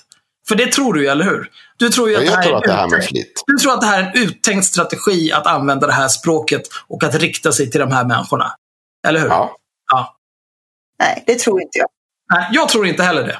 Men vi behöver inte diskutera det mer än så. Vi tycker Jag olika. tror hon är sådär dum. Jag tror hon är sådär dum. Ja, det skulle- Hon skriver precis vad hon tänker. Ja, men det spelar ingen roll. Vi har olika åsikter i den frågan och den frågan spelar egentligen ingen roll. Mm. Eh, vi återgår till nyfiken och välmenande fråga till dig, Magnus Bettner. Innefattar lättkränkta människor folket som säger “inte alla män”? Det här är också så jävla shit tier. Världens största halmgubbe. För övrigt mycket intressant statement av Metro Sverige att ersätta Sissi med denna första krönika. Det här är också bara spekulation att hon har blivit ersatt. Ett riktigt so long bitch istället för ett varmt tack för denna tid Sissi. De tillskriver dem olika intentioner och avsikter. Bara draget ur arslet. Mm.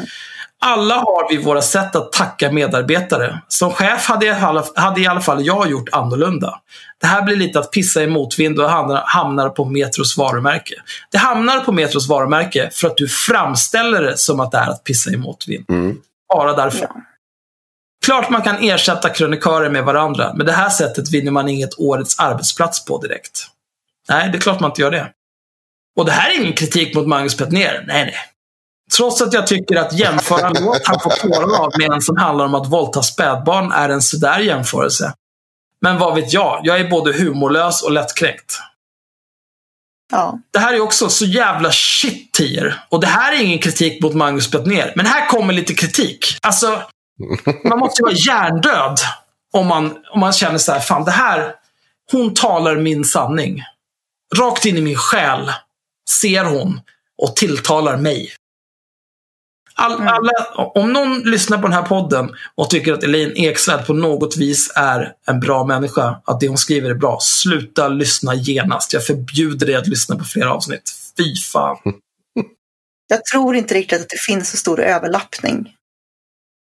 Vi får göra ett vändiagram på det här. Men vad vet jag, jag är både humorlös och lättkränkt.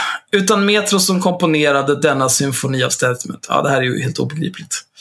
Illa pinkat i motvind, som sagt. Jag skulle göra, ja, det här är ju också, det här är i och för sig en, en retorisk, eh, vad ska man säga, eh, ett knep. Att det här, den här upprepningen.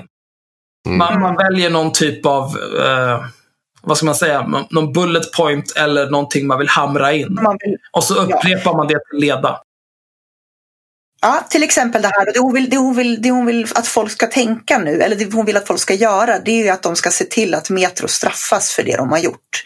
Och det är därför hon upprepar att det här slår tillbaka mot dem själva.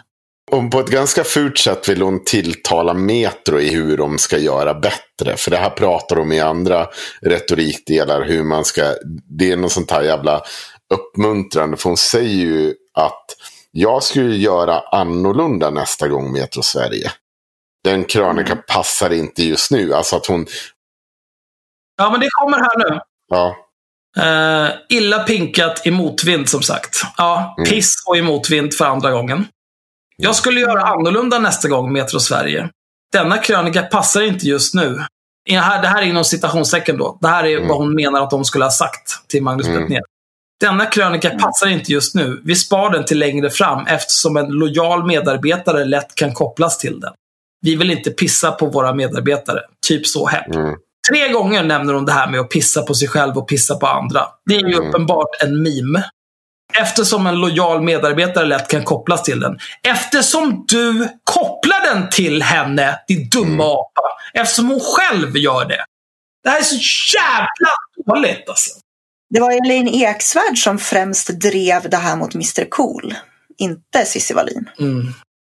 Och, och man ska på, jag, jag tänker i alla fall en disclaimer att, att säga någon är duktig på retorik och säga att den är duktig på källkritik. De två sakerna är två fundamentalt olika saker. Jag har inte Det är, ingen, påstått. det är ingen som tror Ja. att du menade det. Men eh, ska vi hoppa över till svaret från Metro? Eh, som hoppar in då. Ja, jag har det här. Mm, Eh, Det här är Soraya Hashim. mm, Hej Helene Eksvärd. Jag förtydligar gärna. Jag är debattchef på Metro och det är jag som rekryterat Magnus Bettner. Det är så himla olyckligt med tajmingen som så uppenbart ser ut som att vi ersätter Cissi Wallin med Magnus. Men så är det alltså inte. Magnus och jag pratade långt innan detta och hon kom främst in som vikarie för en annan kolumnist. Om allt känns bra hoppas jag att han vill fortsätta skriva hos oss. Sedan att hans första kolumn inföll just den här veckan är en så dålig och trist slump. Men de två händelserna har verkligen ingenting med varandra att göra. Bästa Soraya. mm. Det är en extremt vidrig sign-off för övrigt. Mm. Bästa, men- komma, namn. Läs nu uppdateringen, för det finns någonting i hennes svar som jag tycker är så äckligt. Och inte, alltså, läs bara uppdateringen på eh, Elaine Eksvärd. Ja, visst. Uppdatering. I nästa inlägg förklarar debattchef på Metro Sverige Soraya Hashim att hon förstår att krönikan kommer olämpligt och att det var en olycklig men absolut inte planerad omständighet. Jag tycker förklaringen var bra, men jag är inte rasist, men jag tycker förklaringen var bra, men omständigheten så olycklig att jag ändå låter detta inlägg vara kvar. Att Sissi får gå och Bettner bjuds in är en alldeles fascinerande omständighet och ett symptom i samhället som förut legat dolt men nu är det öppna. Ja, det, som är, det som är fantastiskt här är ju att hon låtsas som att hon förstår att det här var en slump. Att Ja. Cissi får dra åt helvete om Magnus kommer in. Men sen skriver hon ändå att det här måste ju ha varit planerat. Ja. Det är så äckligt. Det är så otroligt äckligt. Och man ska komma ihåg också att Cissi Wallin i det där kommentarsfältet bekräftar Sorayas liksom, story och säger att hon har jobbat för min del här. Och eh, liksom, hon är eh, tacksam för hennes stöd. Men ändå så låter hon den här skiten stå kvar. Och på Twitter så var det en kille som kom in också och frågasatte det här svaret från henne. Och så säger då så här att jag tycker att det är irrelevant att ens kommentera Betnérs krönika. Efter, eftersom dessa två händelser inte har med varandra att göra så borde det vara punkt där.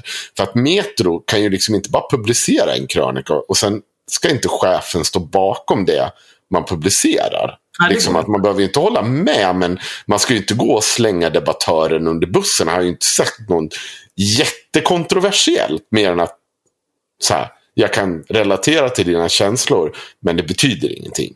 Nej. Det är det han Mm. säger. Och då säger hon så här. Då kommer hon i vår Twitter-tår. Mm, ibland skiter sig, skiter sig. Det har säkert hänt dig också någon gång, Klas Klasse. Tycker, jag, eh, tycker det var ärligast att nämna att den olyckliga tajmingen. Vadå olycklig? De hör ju inte ihop. Och Magnus, eftersom han åkte på en onödig däng i sociala medier. Ja, men varför står du inte upp för Magnus då? Det är ju bara påhitt från Elaine Eksvärds sida. Det är hon som är kränkt över det här. Eh, ja, men det, för något som inte stämde hade med honom att göra. Har det. Och då ställer jag en fråga. Får jag fråga varför du tyckte att det var olyckligt när du samtidigt hävdar att dessa två händelser inte har med varandra att göra? Det som är olyckligt i sammanhanget är väl ändå att någon, några, skjuter först och frågar sen? Eller? Då svarar hon, Eftersom att det ledde till uppfattningen att den ena skribenten blir ersatt av den andra, vilket jag förstår att det kunde tolkas som, plus att den nya skribenten åkte på en däng utifrån den uppfattningen. Det tyckte jag var synd. På grund av henne? Ja, det är ju inte så här, det är också så här, på riktigt, det hon beskriver här, det är att någon beter sig som en apa och då tar hon på sig skulden för det. Men det är inte hon, de har ju inte gjort något fel. Och de kan ha gjort fel i Cissi Wallin-fallet, men de har ju inte gjort något fel i att ta in Magnus Bettner. Det har ju ingenting med saken att göra. Och han måste ju få skriva vilken ja Om de har tagit han som, in han som skribent så måste ju han få skriva sina artiklar. Annars är det ju, om vi inte ska kunna göra det som skribent, det är ju helt sjukt bara för att någon annan på tidningen har det lite tufft just nu. Inte ens någon annan på tidningen. En frilansjävel. Ja. Ja. I alla fall, hon har fortfarande inte tagit bort inlägget. Jag var inne och kollade. Nej, hon kommer aldrig ta bort det. Nej. För hon har inte gjort något kan vi inte, bara, kan vi inte bara vara klara? Kan vi inte lämna alla de här jävla hysteriska mamma-instagrammarna som ska dreva mot allt alla? Kan vi inte bara lämna dem i 2018? Jag är så alltså, om de stannade i 2018 skulle jag jättegärna göra det. Men de har följt oss in från Anno Horunge till Anno Klandervärd. Och likt eh, hjältarna från förr, där vi bekämpade dem i forntiden, måste vi bekämpa dem i nuet, så som vi kommer att bekämpa dem i framtiden. Mm. Ja, vi ska väl ha något att göra vi också. In the grim darkness of the far future, there is only war. ja, nej, jag är bara så jävla less. Jag är så less på dem. Ja, de är verkligen bedrövliga. Det skulle vara så skönt om eh, de bara kunde skärpa sig. Har de inte barn att ta hand om eller någonting? Vad fan, det här, allt det här jävla hetsandet och dampandet på internet. Gå, gå och lek med ungarna istället. Det är ju liksom, de håller ju på hela tiden som att, att mödraskapet det är det största som har hänt dem hela livet. Det är det som har liksom bemyndigat dem att tala i alla frågor och ha åsikter om precis. Att ta hand om ungjäveln istället för att glappa med käften hela jävla tiden om det är så jävla bra. Eller adoptera bort ungen och fortsätt glappa. Mm. Men de har ju råd med barnflickor. Det är det som är hemligheten. Precis. Jag, jag, jag, blir så trött.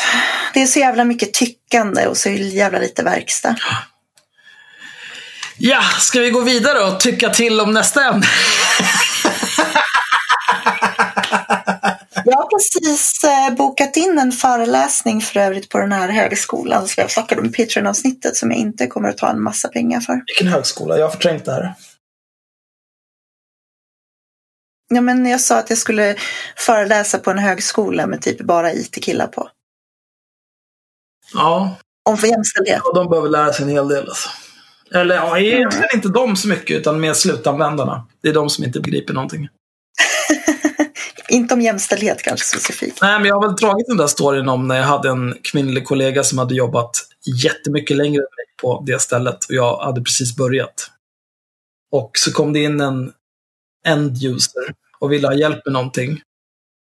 Och vände sig till mig direkt och jag sa, nej jag har ingen aning, jag har aldrig sett det här problemet förut. Det här är ju väldigt specifikt för just det här stället. Men min kollega här, hon kan säkert hjälpa till.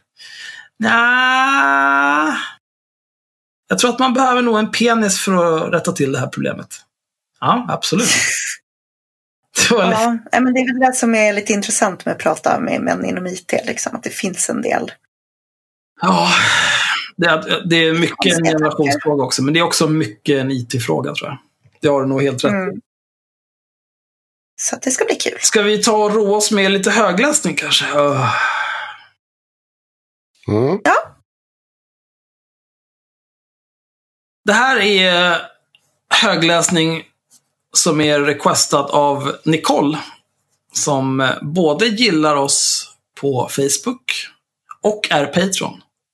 Och mm. följer mig på Twitter. Eh, man skulle kunna säga att eh, en, en mycket nära vän till podden. Det här handlar om ett spel som heter Rape Day. Som fanns på Steam ett tag.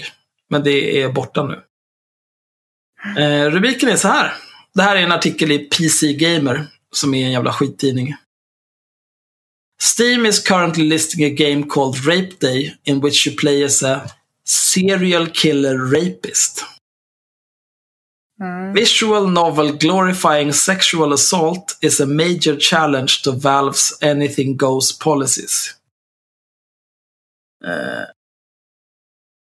Nej, för fan alltså. Den är skitlång. Jag tänker inte läsa hela den här. Jag säger nej Nej. direkt. Eh, men man kan säga så här. Det här spelet är någon typ av visual novel. Fast av screenshots, jag har inte spelat det, men av screenshotsen så ser det inte ut att vara en visual novel. Det ser ut att vara eh, det ser ut att vara typ Silent Hill 4 eller någonting. Det ser för jävligt ut. Mm. Eh, och man, är, man spelar någon typ av eh, mördar, våldtäktsmördare. Som går ut och våldtäktsmördar. Eh, och Valve, som äger Steam, som är plattformen där det här spelet såldes.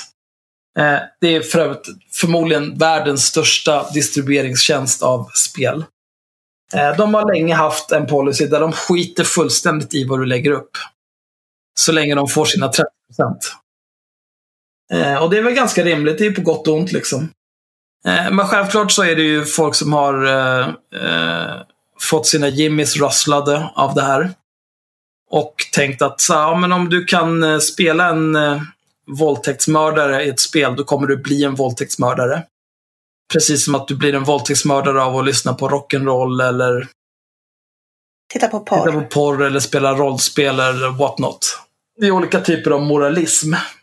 Trots att det är eh, än idag, årtionden in i vidja, inte finns några som helst belägg för att våldsam vidja skulle göra en våldsam. Nej. Och det här är ju... Nu, nu är det ju borttaget från Steam, vilket kanske är lika bra för att eh, den, som, den som utvecklarna här, de, de, påst, de, de försökte ursäkta sig med liksom att ja, men vi har gjort ett spel till en väldigt eh, nischad målgrupp. Det här är ett spel för sociopater. Alltså det var extremt kantigt. Extremt kantigt alltihopa. Extremt cringe var det. Astöntigt. Eh, och överlag så tror jag att det här spelet hade inte sålt särskilt väl till att börja med. Eh, kanske några kantherrar som fick höra talas om det på 4chan eller Reddit hade köpt det.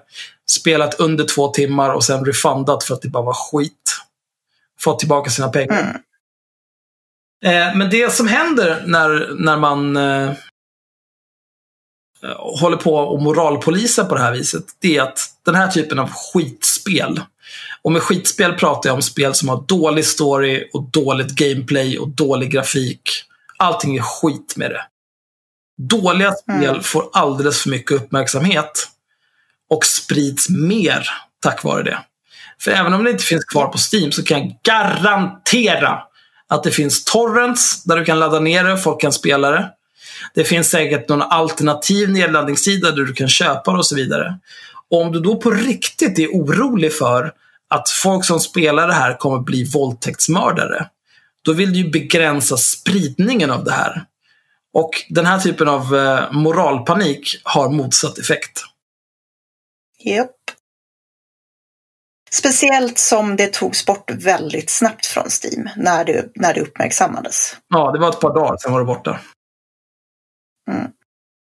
Och jag menar, det var ju klart att de var tvungna att ha en diskussion. De sa ju att de inte skulle ha några restriktioner, alltså några, några restriktioner mer då än att man skulle märka spel efter ålder till exempel. Mm. Ehm, så det blir väldigt konstigt då när man... Men det här, det, det flyttas ju... Här, den, den eh, beskrivningen av spelet på Steam. Verbally harass, kill and rape women as you choose to progress the story. Och det beskrivs som eh, controls the choices of a menacing serial killer rapist during a zombie apocalypse. Alltså man, man hör ju att det här är ju trash från början till slut. Men, men det har ju funnits flera sådana här spel. Det kom för typ ett, två år sedan kom ett spel som heter Hatred.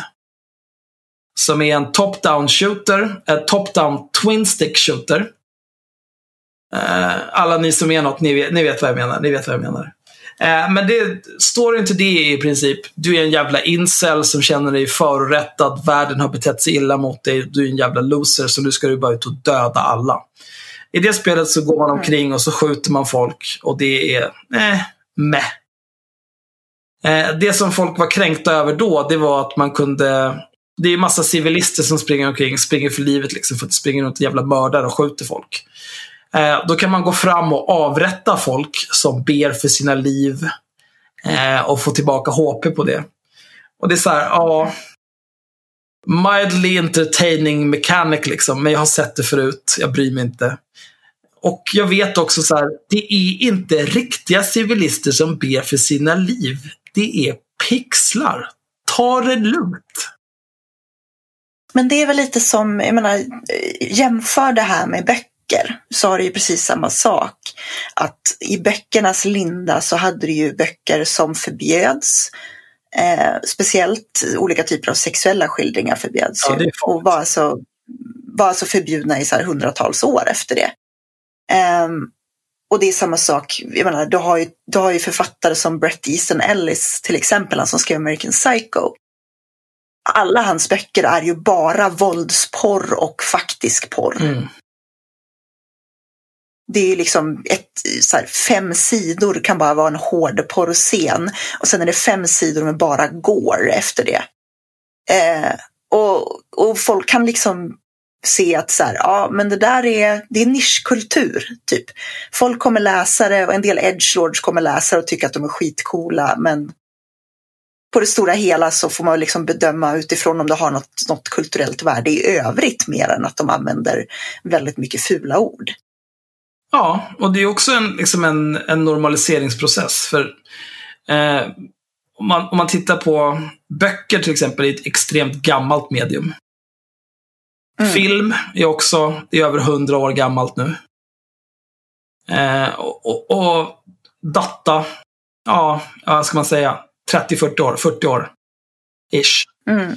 Det har gått från Pong till någon jävla serial rapist, murderer, hej och som springer runt och är efterbliven.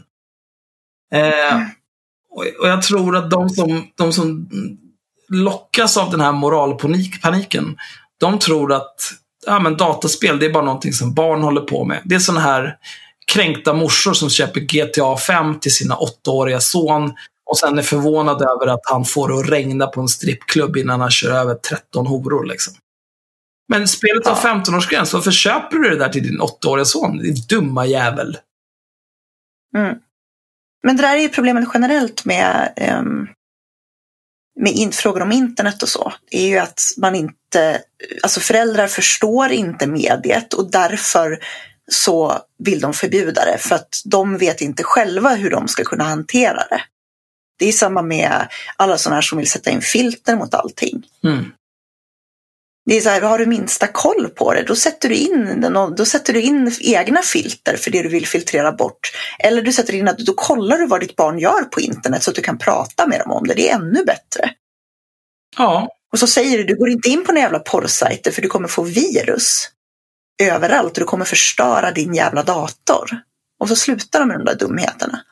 Alltså, om jag hade haft en, en son eller dotter som satt och spelade det här jävla Rape Day. Då hade jag, säg, säg att jag har en, ti, en tioårig dotter som sitter och spelar Rape Day. Och jag är rädd att hon ska... Eh, nej, nej, inte, jag är inte ens... Men ponera att det överhuvudtaget händer. Jag har en dotter, hon är tio, hon spelar Rape Day. Jag skulle inte vara orolig för att hon ska bygga någon typ av eh, knivdildo och börja gå ut och mörda folk med den.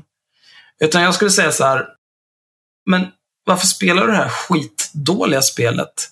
När du inte ens har klarat Mass Effect 2 på Insanity utan medpacks. Vad håller du på med? Prioritera! Lös det här nu. Ja, men framförallt så, det finns ju så många andra spel som faktiskt skulle ge en tioåring någonting. Sätt dem framför hela jävla Zelda-serien eller något Vad istället. som helst. Herregud. Men det, Ja. men det är, jag tror att i grund och botten, dels så handlar det om det du pratar om, att föräldrarna förstår inte. Eh, Mm. Och kanske, ja det ena ger väl det andra, men om de förstod liksom att spela data som hobby och hade ett eget intresse för det. Då skulle de ju kunna spela spel Mm. tillsammans med sina barn. Och de skulle förstå Ja. vad saker var. Det skulle inte ens krävas mer än så. Om man har liksom ett barn som inte har en egen inkomst men vill ha ett spel. Då är det ju ens egna pengar som kommer betala det Mm. spelet. Då kanske du ska ta reda på vad är det för spel jag är på väg att köpa här. Precis så. Alltså jag kommer ihåg när min pappa kom hem med eh, första Quake. Liksom. Mycket bra spel. Mm. Och jag ville ju spela det. Jag fick ju inte spela det själv då för att han tyckte att det var lite för läskigt för mig när det släpptes. Jag kommer inte ihåg hur gammal jag var då, men det går ju att ta reda på. Eh, men däremot så fick jag titta på när han spelade det.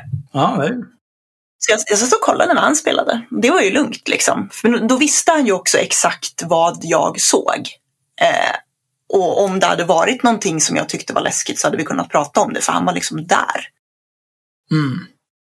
Jag vet inte. Jag är fortfarande jätterädd. Jag kan inte spela skräckspel. Jag är alldeles för rädd för skräckspel. Så att eh, det är liksom... ja, Quake är det ett skräckspel. Nej, nej, nej. Men alltså jag kan inte spela... Quake kan jag ju spela, men jag kan inte spela skräckspel. Ja, Quake 1, det var bra. Det spelade vi i gymnasiet. Jag laddade Mm. upp FOV 130, CL Roll Angle 10 så att man fladdrade som en vante när man strafade. Omöjlig att träffa. Hämta en rocket launcher och bara spränga allt åt helvete. Mycket bra. Quake 3, Q3 DM17. Millenniets bästa bana. Mm. Jag spelade mest Quake 2 faktiskt. Det spelade jag knappt alls för jag tyckte att det var sådär. Men det var också för att jag spelade själv, så jag spelade mot en massa bottar jämt. Just det, i Ja. Q1. Där fanns det ju Reaperbots. De var fan helt sinnessjuka.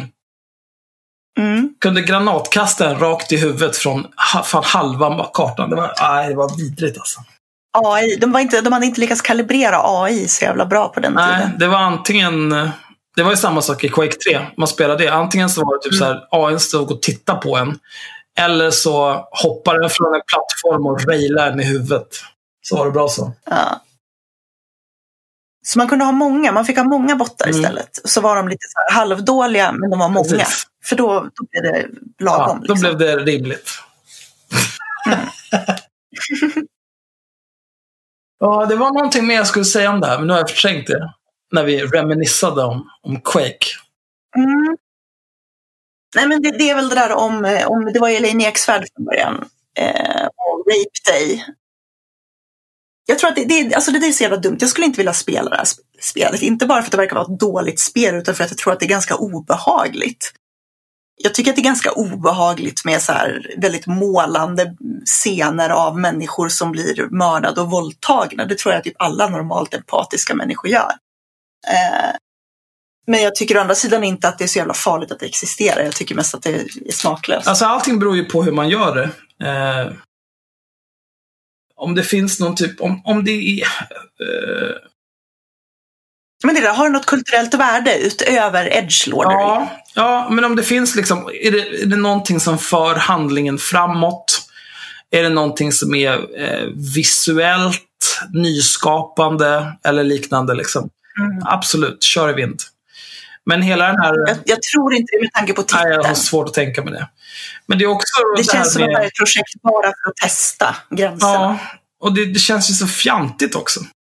För att liksom, eh, Mm. och det, det är så töntigt att gnälla på just det här också. För att det finns ju oändligt med spel där man, som går ut på att skjuta folk i huvudet till exempel. Sen kanske inte Mm. våldtar liket, men jag menar, vem vet vad som händer när kameran eh, tittar bort liksom. Men det var väl lite kontrovers runt eh, något av de nyare Tomb Raider-spelen. Där Lara Croft... Ja, det är någon, är eh, någon, någon typ av våldtäkt, våldtäktsscenario. Ja. Eh, men, eh, men sen så sätter hon ju liksom, jag vet inte om det är någon... Hon, hon mördar ju våldtäktsmannen. Mm. Eh, Jag kommer inte ihåg vad den kritiken handlade om. Nej, men det var typ att, hon, att, det, att det var i spelet överhuvudtaget. Men spelet Mm. handlar ju om, hela konceptet med Tomb Raider i eh, Quicktime Event-eran handlar ju om att det är skitjobbigt hela tiden. Tryck på rätt knapp, annars dör Lara Croft på ett jobbigt sätt eller någonting superhemskt händer. Och så får du börja om från din senaste checkpoint. Jag vet inte, är, är Ja. det liksom, ah, okej, du fick en skitstor sten på hela din underkropp så att det bara blev mos av den. Eller du blev fångad av en våldtäktsmördare. Jag vet inte, är någonting av det värre eller bättre än det andra? Det är ju skit båda två.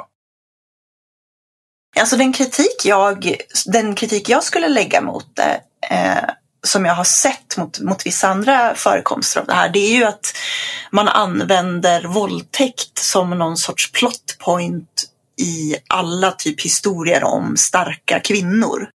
Att det är så här, ja, att det får bli liksom deras motivation att de har blivit våldtagna hela tiden och så reduceras det liksom till en plot point för dem. Vilket jag kan hålla med om att det blir lite konstigt. Ja, liksom, för absolut. Men, men det är ju inte sant. I alla fall inte när det kommer till just den. Alltså, det där var ju liksom en quick time event. Jag inte. Jo, men, men Lara Croft från början, jag menar, det hade väl ingen, det var väl som typ alla spel som släpptes i den eran, när Tomb Raider släpptes, att det, hela historien var väl typ att hon var rik och var ute och letade efter skatter i olika grottor. Ja, och så hade hon kortbyxor och superstora Ja. polygontuttar. Ja, och det var typ ingen mer story. Och sen så ska man liksom ge, så fort man ska ge en kvinnlig karaktär djup, då måste man visa att hon har utsatts för övergrepp på något Mm, sätt. ja, det är i och för sig.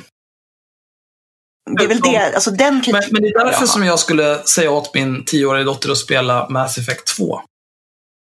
För Mm. Femshep, hon har fan inte råkat ut för några övergrepp. Det är hon som utför övergreppen på Reapersvingen när de kommer för att ta vår värld. Det blir inget. Hon kan ju även, hon kan även ligga med alla i sin crew. Det är för att Femshep är en smooth operator. Ja.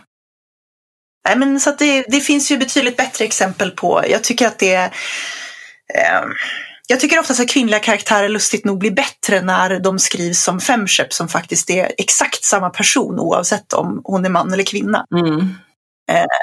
Ironiskt nog så tycker jag nästan att det blir de bästa kvinnliga karaktärerna på något vis. För att, just för att man inte skriver dem utifrån att de är män eller kvinnor utan man skriver utifrån att det är en person som ska kunna funka både som man och kvinna och då blir de ganska normala. Ja. Jag har ju eh, ingen erfarenhet av, av att skriva eh, fiktion eller skönlitteratur.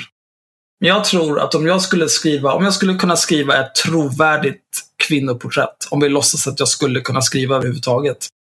Då skulle jag nog, eh, för att göra det skulle jag nog skriva det som en man och sen bara ändra könet. Ja. Och det är så här, gör man det dåligt, då blir det ju istället eh, liksom en man med tuttar.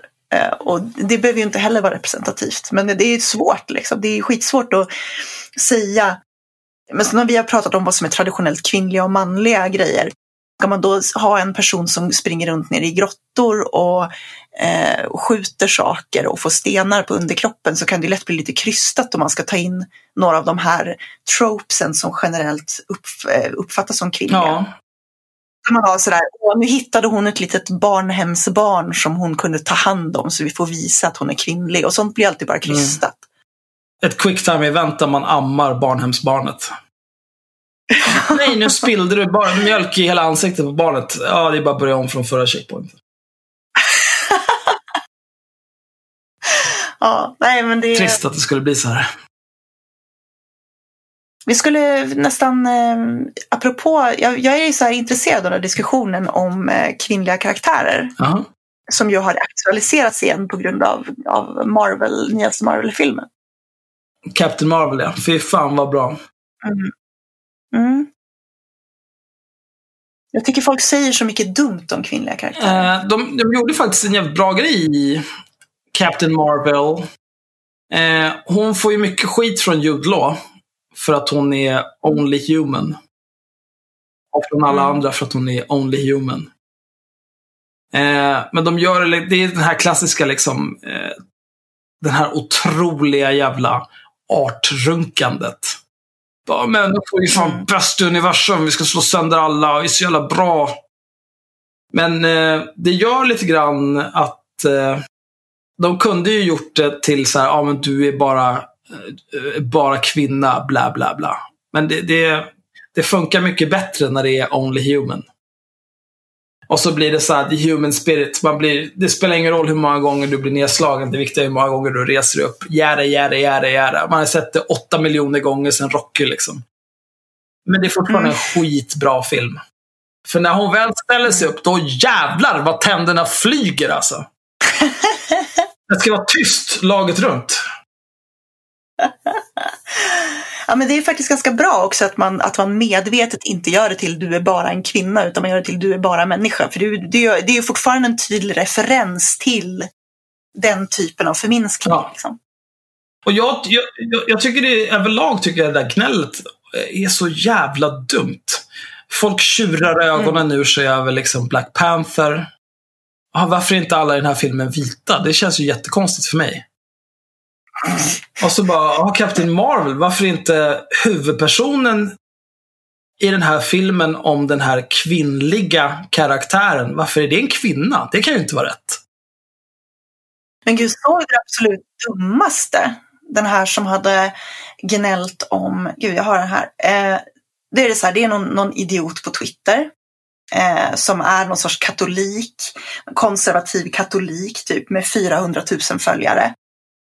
Eh, och han gör alltså en tweet och så säger han Imagine if Stan Lee saw what, what they've turned the MCU into. Han, han har varit med hela tiden. Han har varit exekutiv producent på alla filmer. Vad är det som händer?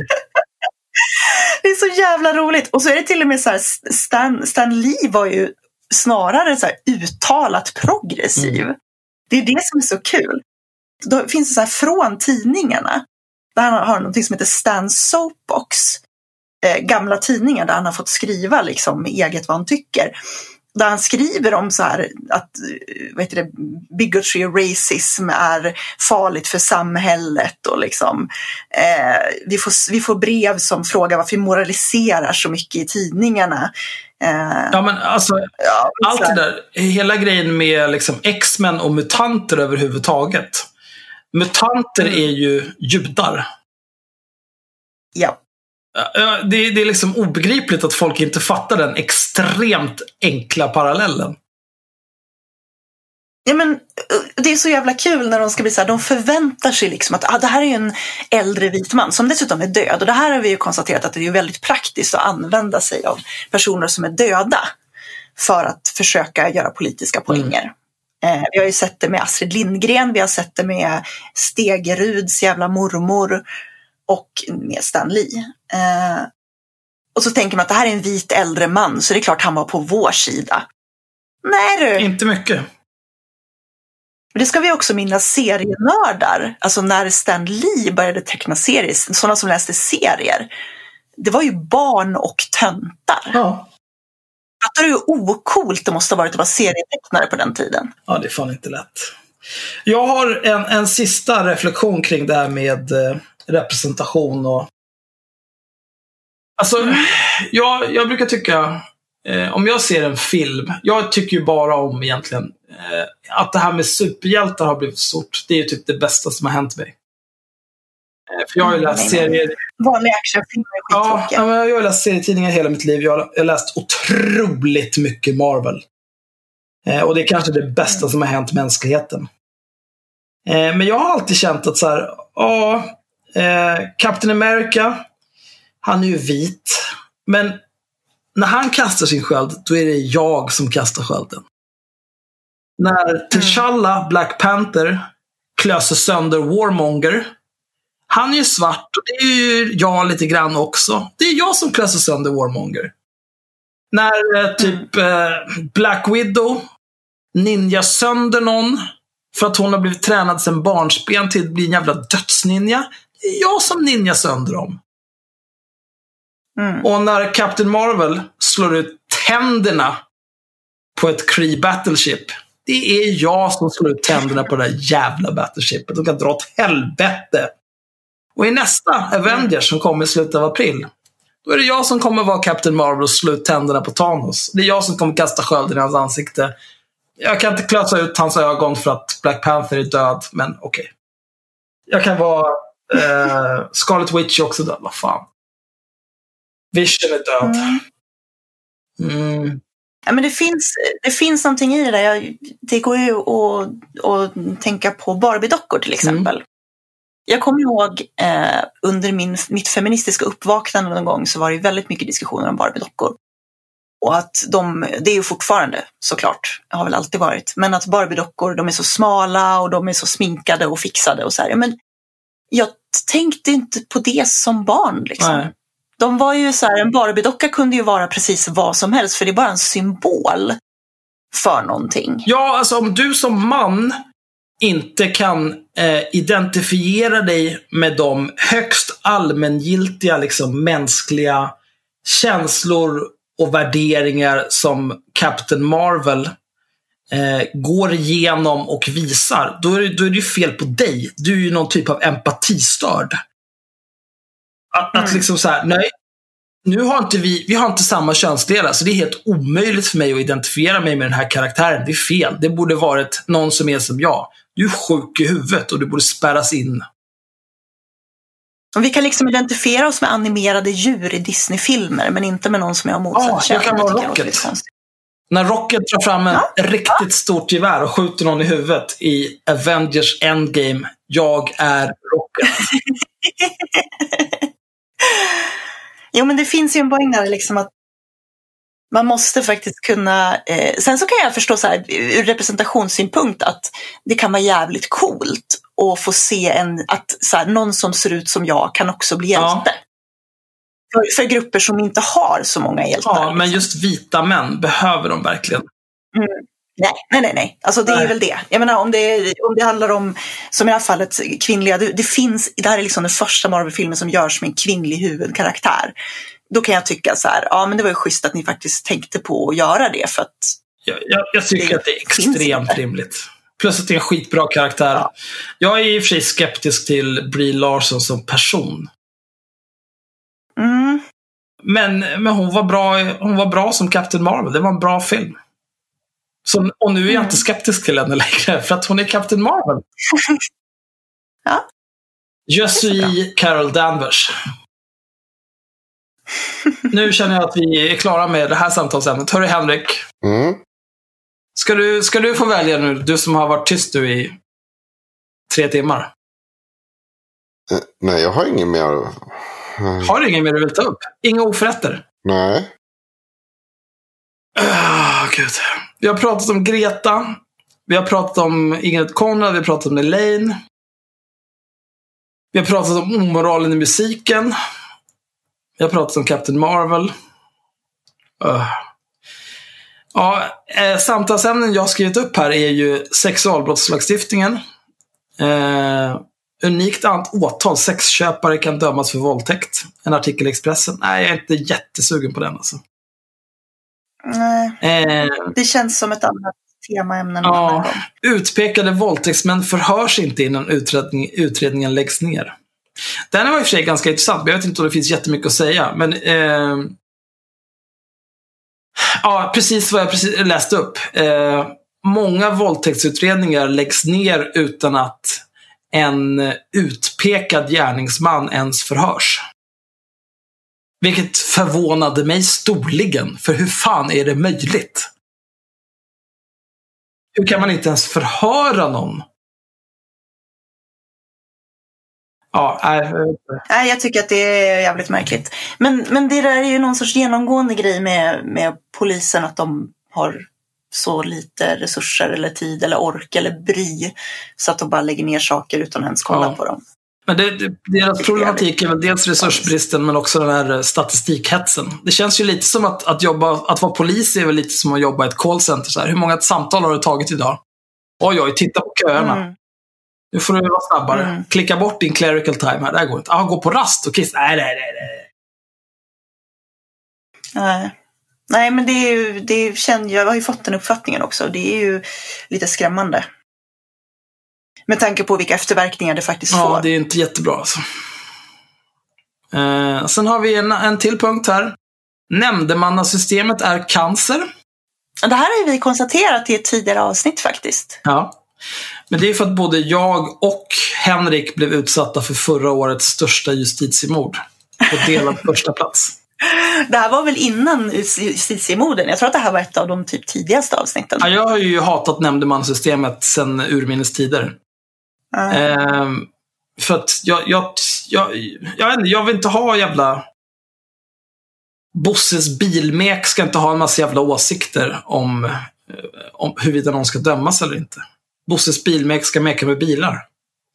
Jag, jag fattar inte varför överhuvudtaget. Alltså var, var någonstans är det intressant att veta vad en lekman tycker om någonting. Håll käften! Gör det du är bra på så tar jag som är en yrkesman och löser det här som du inte vet någonting om. Ja, ja, Det är helt otroligt. Det är väl för att det ska finnas liksom en demokratisk insyn i, i processen. Men problemet är ju som vi har nu sett igen att de politiska åsikterna påverkar ju domarna. Och det är Ja. klart att det gör de väl till viss del hos jurister också. Men jurister har ju faktiskt, är ju människor och har väl också politiska åsikter. Men jag tänker att är du aktiv politiker så är du lite mer politiskt färgad än om du är jurist. Ja, det här, de länkar som fanns till just den här samtalspunkten var en numera låst artikel på ETC. Eh, Men den handlar om att en av nämndemännen som dömde Elin Ersson, som eh, vägrade sätta sig ner på ett flygplan där en man skulle utvisas till Afghanistan. En av de nämndemännen som i eh, rätten som dömde henne för brott mot luftfartslagen har jag för mig. Mm. Eh, han hade uttalat sig på Facebook och haft en jävla massa åsikter om det. Hon är brottslig, dålig människa. Ni kan aldrig gissa vilket parti som hade tillsatt den här jävla apan. SD. Wow, vilken överraskning. Eh, och nu har, eh, nu har det överklagats för att på grund av jäv och så vidare. Och det tycker jag, jag, jag, tycker inte, jag, jag förstår inte ens hur det kan vara en fråga. Att det, ens, det, det borde bara ogiltigt förklaras hela rättegången. Gör om skiten. För att det handlar inte om huruvida han är jävig eller inte, tycker jag. Det handlar om om det ens finns en misstanke om att någon har varit jävig. Då är det bara, det måste göras om. För att man kan inte ha den typen av misstankar som riktas mot rättssystemet. Det går inte. Visst var det någonting om Vänsterpartiet och kvinnor också? Eh, ja, eh, det har vi en till där. Ska jag ta upp den? Det är Oisin Cantwell som har skrivit i Aftonbladet. Eh, han har också skrivit om Elin Ersson. Ble, ble, ble, ble, ble. Eh, en studie gjord vid Handelshögskolan i Göteborg med 950 domar som underlag visade att risken för, en för att en person med ett arabiskt klingande namn ska fällas ökar med 17 procentenheter om en sverigedemokrat är en av domarna. Mm. Om nämndeman är utsedd av Vänsterpartiet var inblandad ökade sannolikheten för fällande dom i fall där offret är en kvinna med 14 procentenheter. Mm. Så det är ju fakt åt alla håll och kanter. Mm. Eh, sen så vet jag inte, alltså en studie gjord vid Handelshögskolan med 950 domar som underlag. Det, det säger ju inte jättemycket om metod och hur de har viktat och så vidare. Men det, det låter ju inte skitbra. Nej, det är ändå så pass många domar att, man, att det borde ge anledning att titta mer på det. Ja. Eh, för det borde säga någonting, om man inte har gjort någonting jättelurigt i metoderna så borde det kunna säga en hel del. Ja, här är också en till undersökning han hänvisar till. En undersökning vid Uppsala universitet visar att Sverigedemokrater i migrationsmål är måttligt intresserade av att ändra avslag till bifall. Medan kristdemokrater är påtagligt förtjusta i att göra det. Ja, det säger ju inte heller jättemycket. Om man kunde få lite siffror i alla fall skulle det vara någonting. Men det visar ju... Det ger ju indikationer om att nämndemannasystemet kanske inte är optimalt. Om man säger så. Mm. Nej, precis. Jag menar, det, är, det är naivt att tro att vi skulle kunna få någon sorts hundraprocentig rättvisa. Jag menar, saker som strukturell rasism eller sexism eller vad det nu kan vara kommer ju att påverka alla i viss utsträckning. Men eh, inte, det borde inte finnas så där stora felmarginaler. Nej. Nej, det är bedrövligt. Oh, Okej. Ja, men vi tar en sista grej då. Som jag tyckte var eh, ganska äcklig. Mm. Punkten här är inför dödsstraff för korruption. eh, det här handlar ju dels om eh, Maria Wetterstrand, formerly av Miljöpartiet, före detta språkrör för Miljöpartiet, som numera har gett sig in i någon typ av privat sektor, som alla de här svinen gör. Hon är engagerad i ett företag som heter eh, Cortus Energy. Hon är aktieägare och sitter i styrelsen för det företaget. De har fått stöd från Energimyndigheten att undersöka möjligheterna att producera förnybart biobränsle i Sverige. Vilket är bra. Det är bra. Mm. Eh, Wetterstrand gick in i bolaget som styrelseledamot 2013 och blev aktieägare den 30 september 2015. Hon har sedan dess ökat sitt aktieinnehav successivt. I juni förra året fördubblade hon sitt innehav till 615 000 aktier. Som idag är värt 209 100 kronor då aktiekursen ligger i skrivande stund på 0,34 kronor. Mm. Det senaste aktieköpet gjorde Wetterstrand fyra månader efter att hon fått uppdraget av regeringen. Eh, nu är det så här också, jag räknade lite på det här, kommer jag ihåg, när jag såg den här artikeln. Eh, hon har som, som mest, kursen gick ju upp efter att de presenterade en rapport som var otroligt positiv till möjligheterna att producera biobränsle i Sverige. Där till exempel Cortus Energy skulle kunna hjälpa till och producera olika... Mm. Eh, Men som mest, kursen gick ju upp för Cortus Energy. Eh, Och jag räknade lite grann på det där och hon har tjänat kanske 60 000 på det där. Eh, Jag vet inte om hon har sålt av några aktier och faktiskt cashat in den vinsten, men det tror jag inte att hon har. För så jävla dum lär hon inte vara. Nej. Eh, Och samtidigt är det också så här 60 000. Who gives a fuck? Ja, om man jämför med Swedbank pengatvättandet så är det ju en pissumma. Och det, jag menar, jag tror inte att Maria Wetterstrand, om hon behöver dra in 60 lax, då kanske hon kan hålla en eh, tre, fyra föreläsningar en månad, så har hon sina 60 lax. Jag, jag tror inte det är ett problem. Eller, eller, eller en halv. Eller en halv, det beror ju på hur hon färgar håret. Ja. Eh, men också, eh, vi kan ju läsa lite grann den här lilla intervjun med de har gjort med henne. Hur resonerade du om ditt aktieinnehav och styrelseuppdrag i Cortus när du fick utredningsuppdraget? Inte alls, eftersom Cortus inte tillverkar flygbränslen. Berättade du för uppdragsgivaren om ditt innehav i Cortus och ditt styrelseuppdrag? Det står i mitt CV som regeringen fått. Anser du att utredningen kan betraktas som objektiv? Jag skulle ha lagt samma förslag om jag inte suttit i Cortus styrelse. Jag skulle köpt aktier i Cortus även om jag inte gjort flygutredningen. Det har inte påverkat mina slutsatser. Varför utökade du ditt aktieinnehav under utredningstiden? För att bolaget hade slut på pengar och det gjordes en nyemission där en styrelseledamot förväntades vara med. Du säger att det inte är något bolag som man tjänar pengar på att äga aktier i, men om Cortus börjar tillverka förnybart flygbränsle skulle det då inte kunna generera en hel del pengar. Dit är det idag långt och det kommer krävas mycket stora investeringar och sånt kan bli verklighet, skriver Maria Wetterstrand. Äh, mm, äh. Men det är lite grann samma sak här. Eh, även om jag inte, jag tycker inte att det här är anledning att anta att, att det här är någon typ av insideraffärer och att hon har varit jävig. Men det är samma sak här egentligen. Att bara misstanken om att det finns någon typ av jävsituation. Det tycker jag borde förinta allt som har med det här att göra. För det, det går inte. Det, det, Alltså framförallt är det väl så att även om inte hon menar att vara jävig så är det väl klart att hon har ju bäst insyn i ett företag där hon sitter i styrelsen. Ja.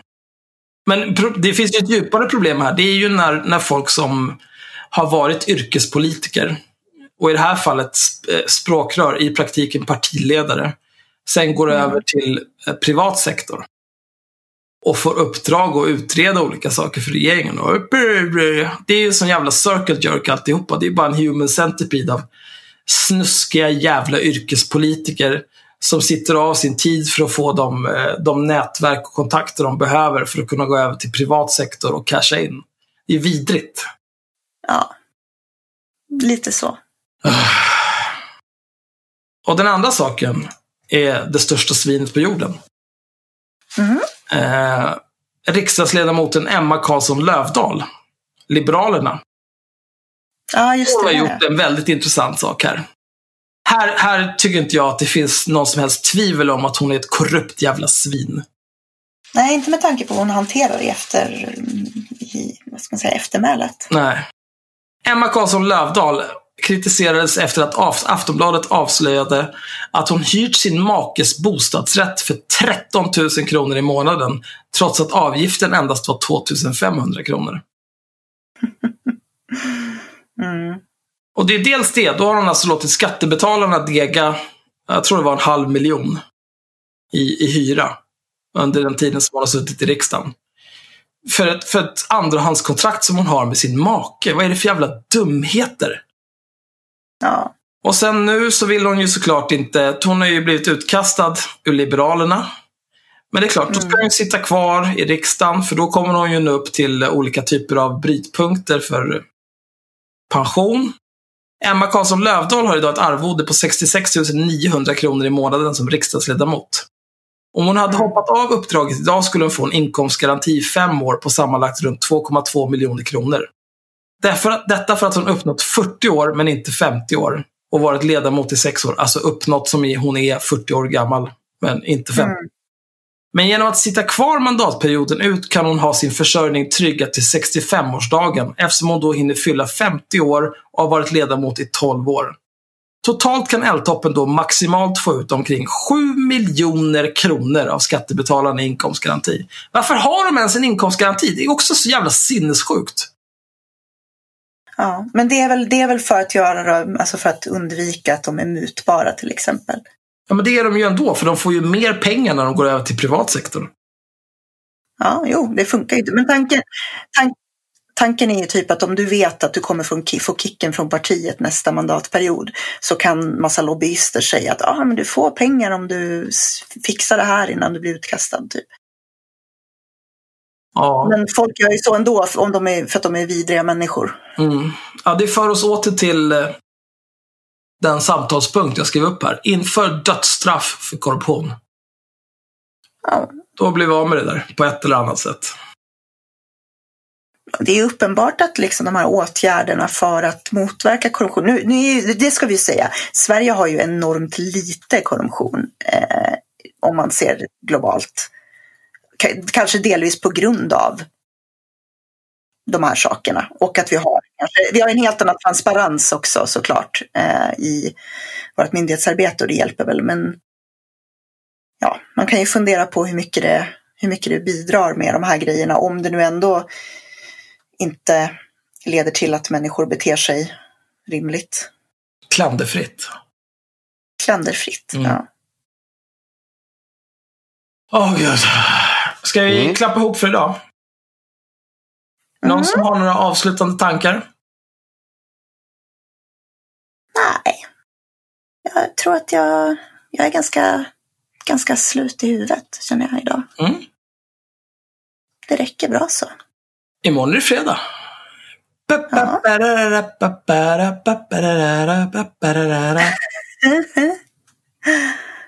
Jajamän. Jag har lagt upp omröstning nu om eh, våran, eh, våran live, vårt livepoddande.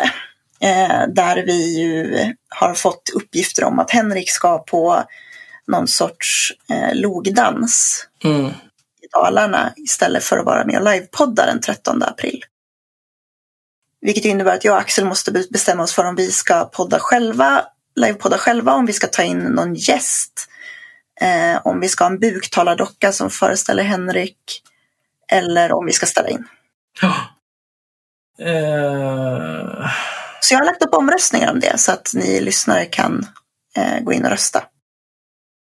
mm, det kan du ju roa er med. Mm. Det tycker jag ni är värda. Jag kom dock på att jag vet inte vad jag ställde in för tid på dem så jag kanske måste gå in och kolla det. Ja. Jag kanske måste förlänga dem eventuellt. Ja, vi får se. Eh, men då säger vi tack för idag, slut för idag. Hepp hepp! Puss hej! Puss, hej. Säg hej då Henrik, helvete! Hej då.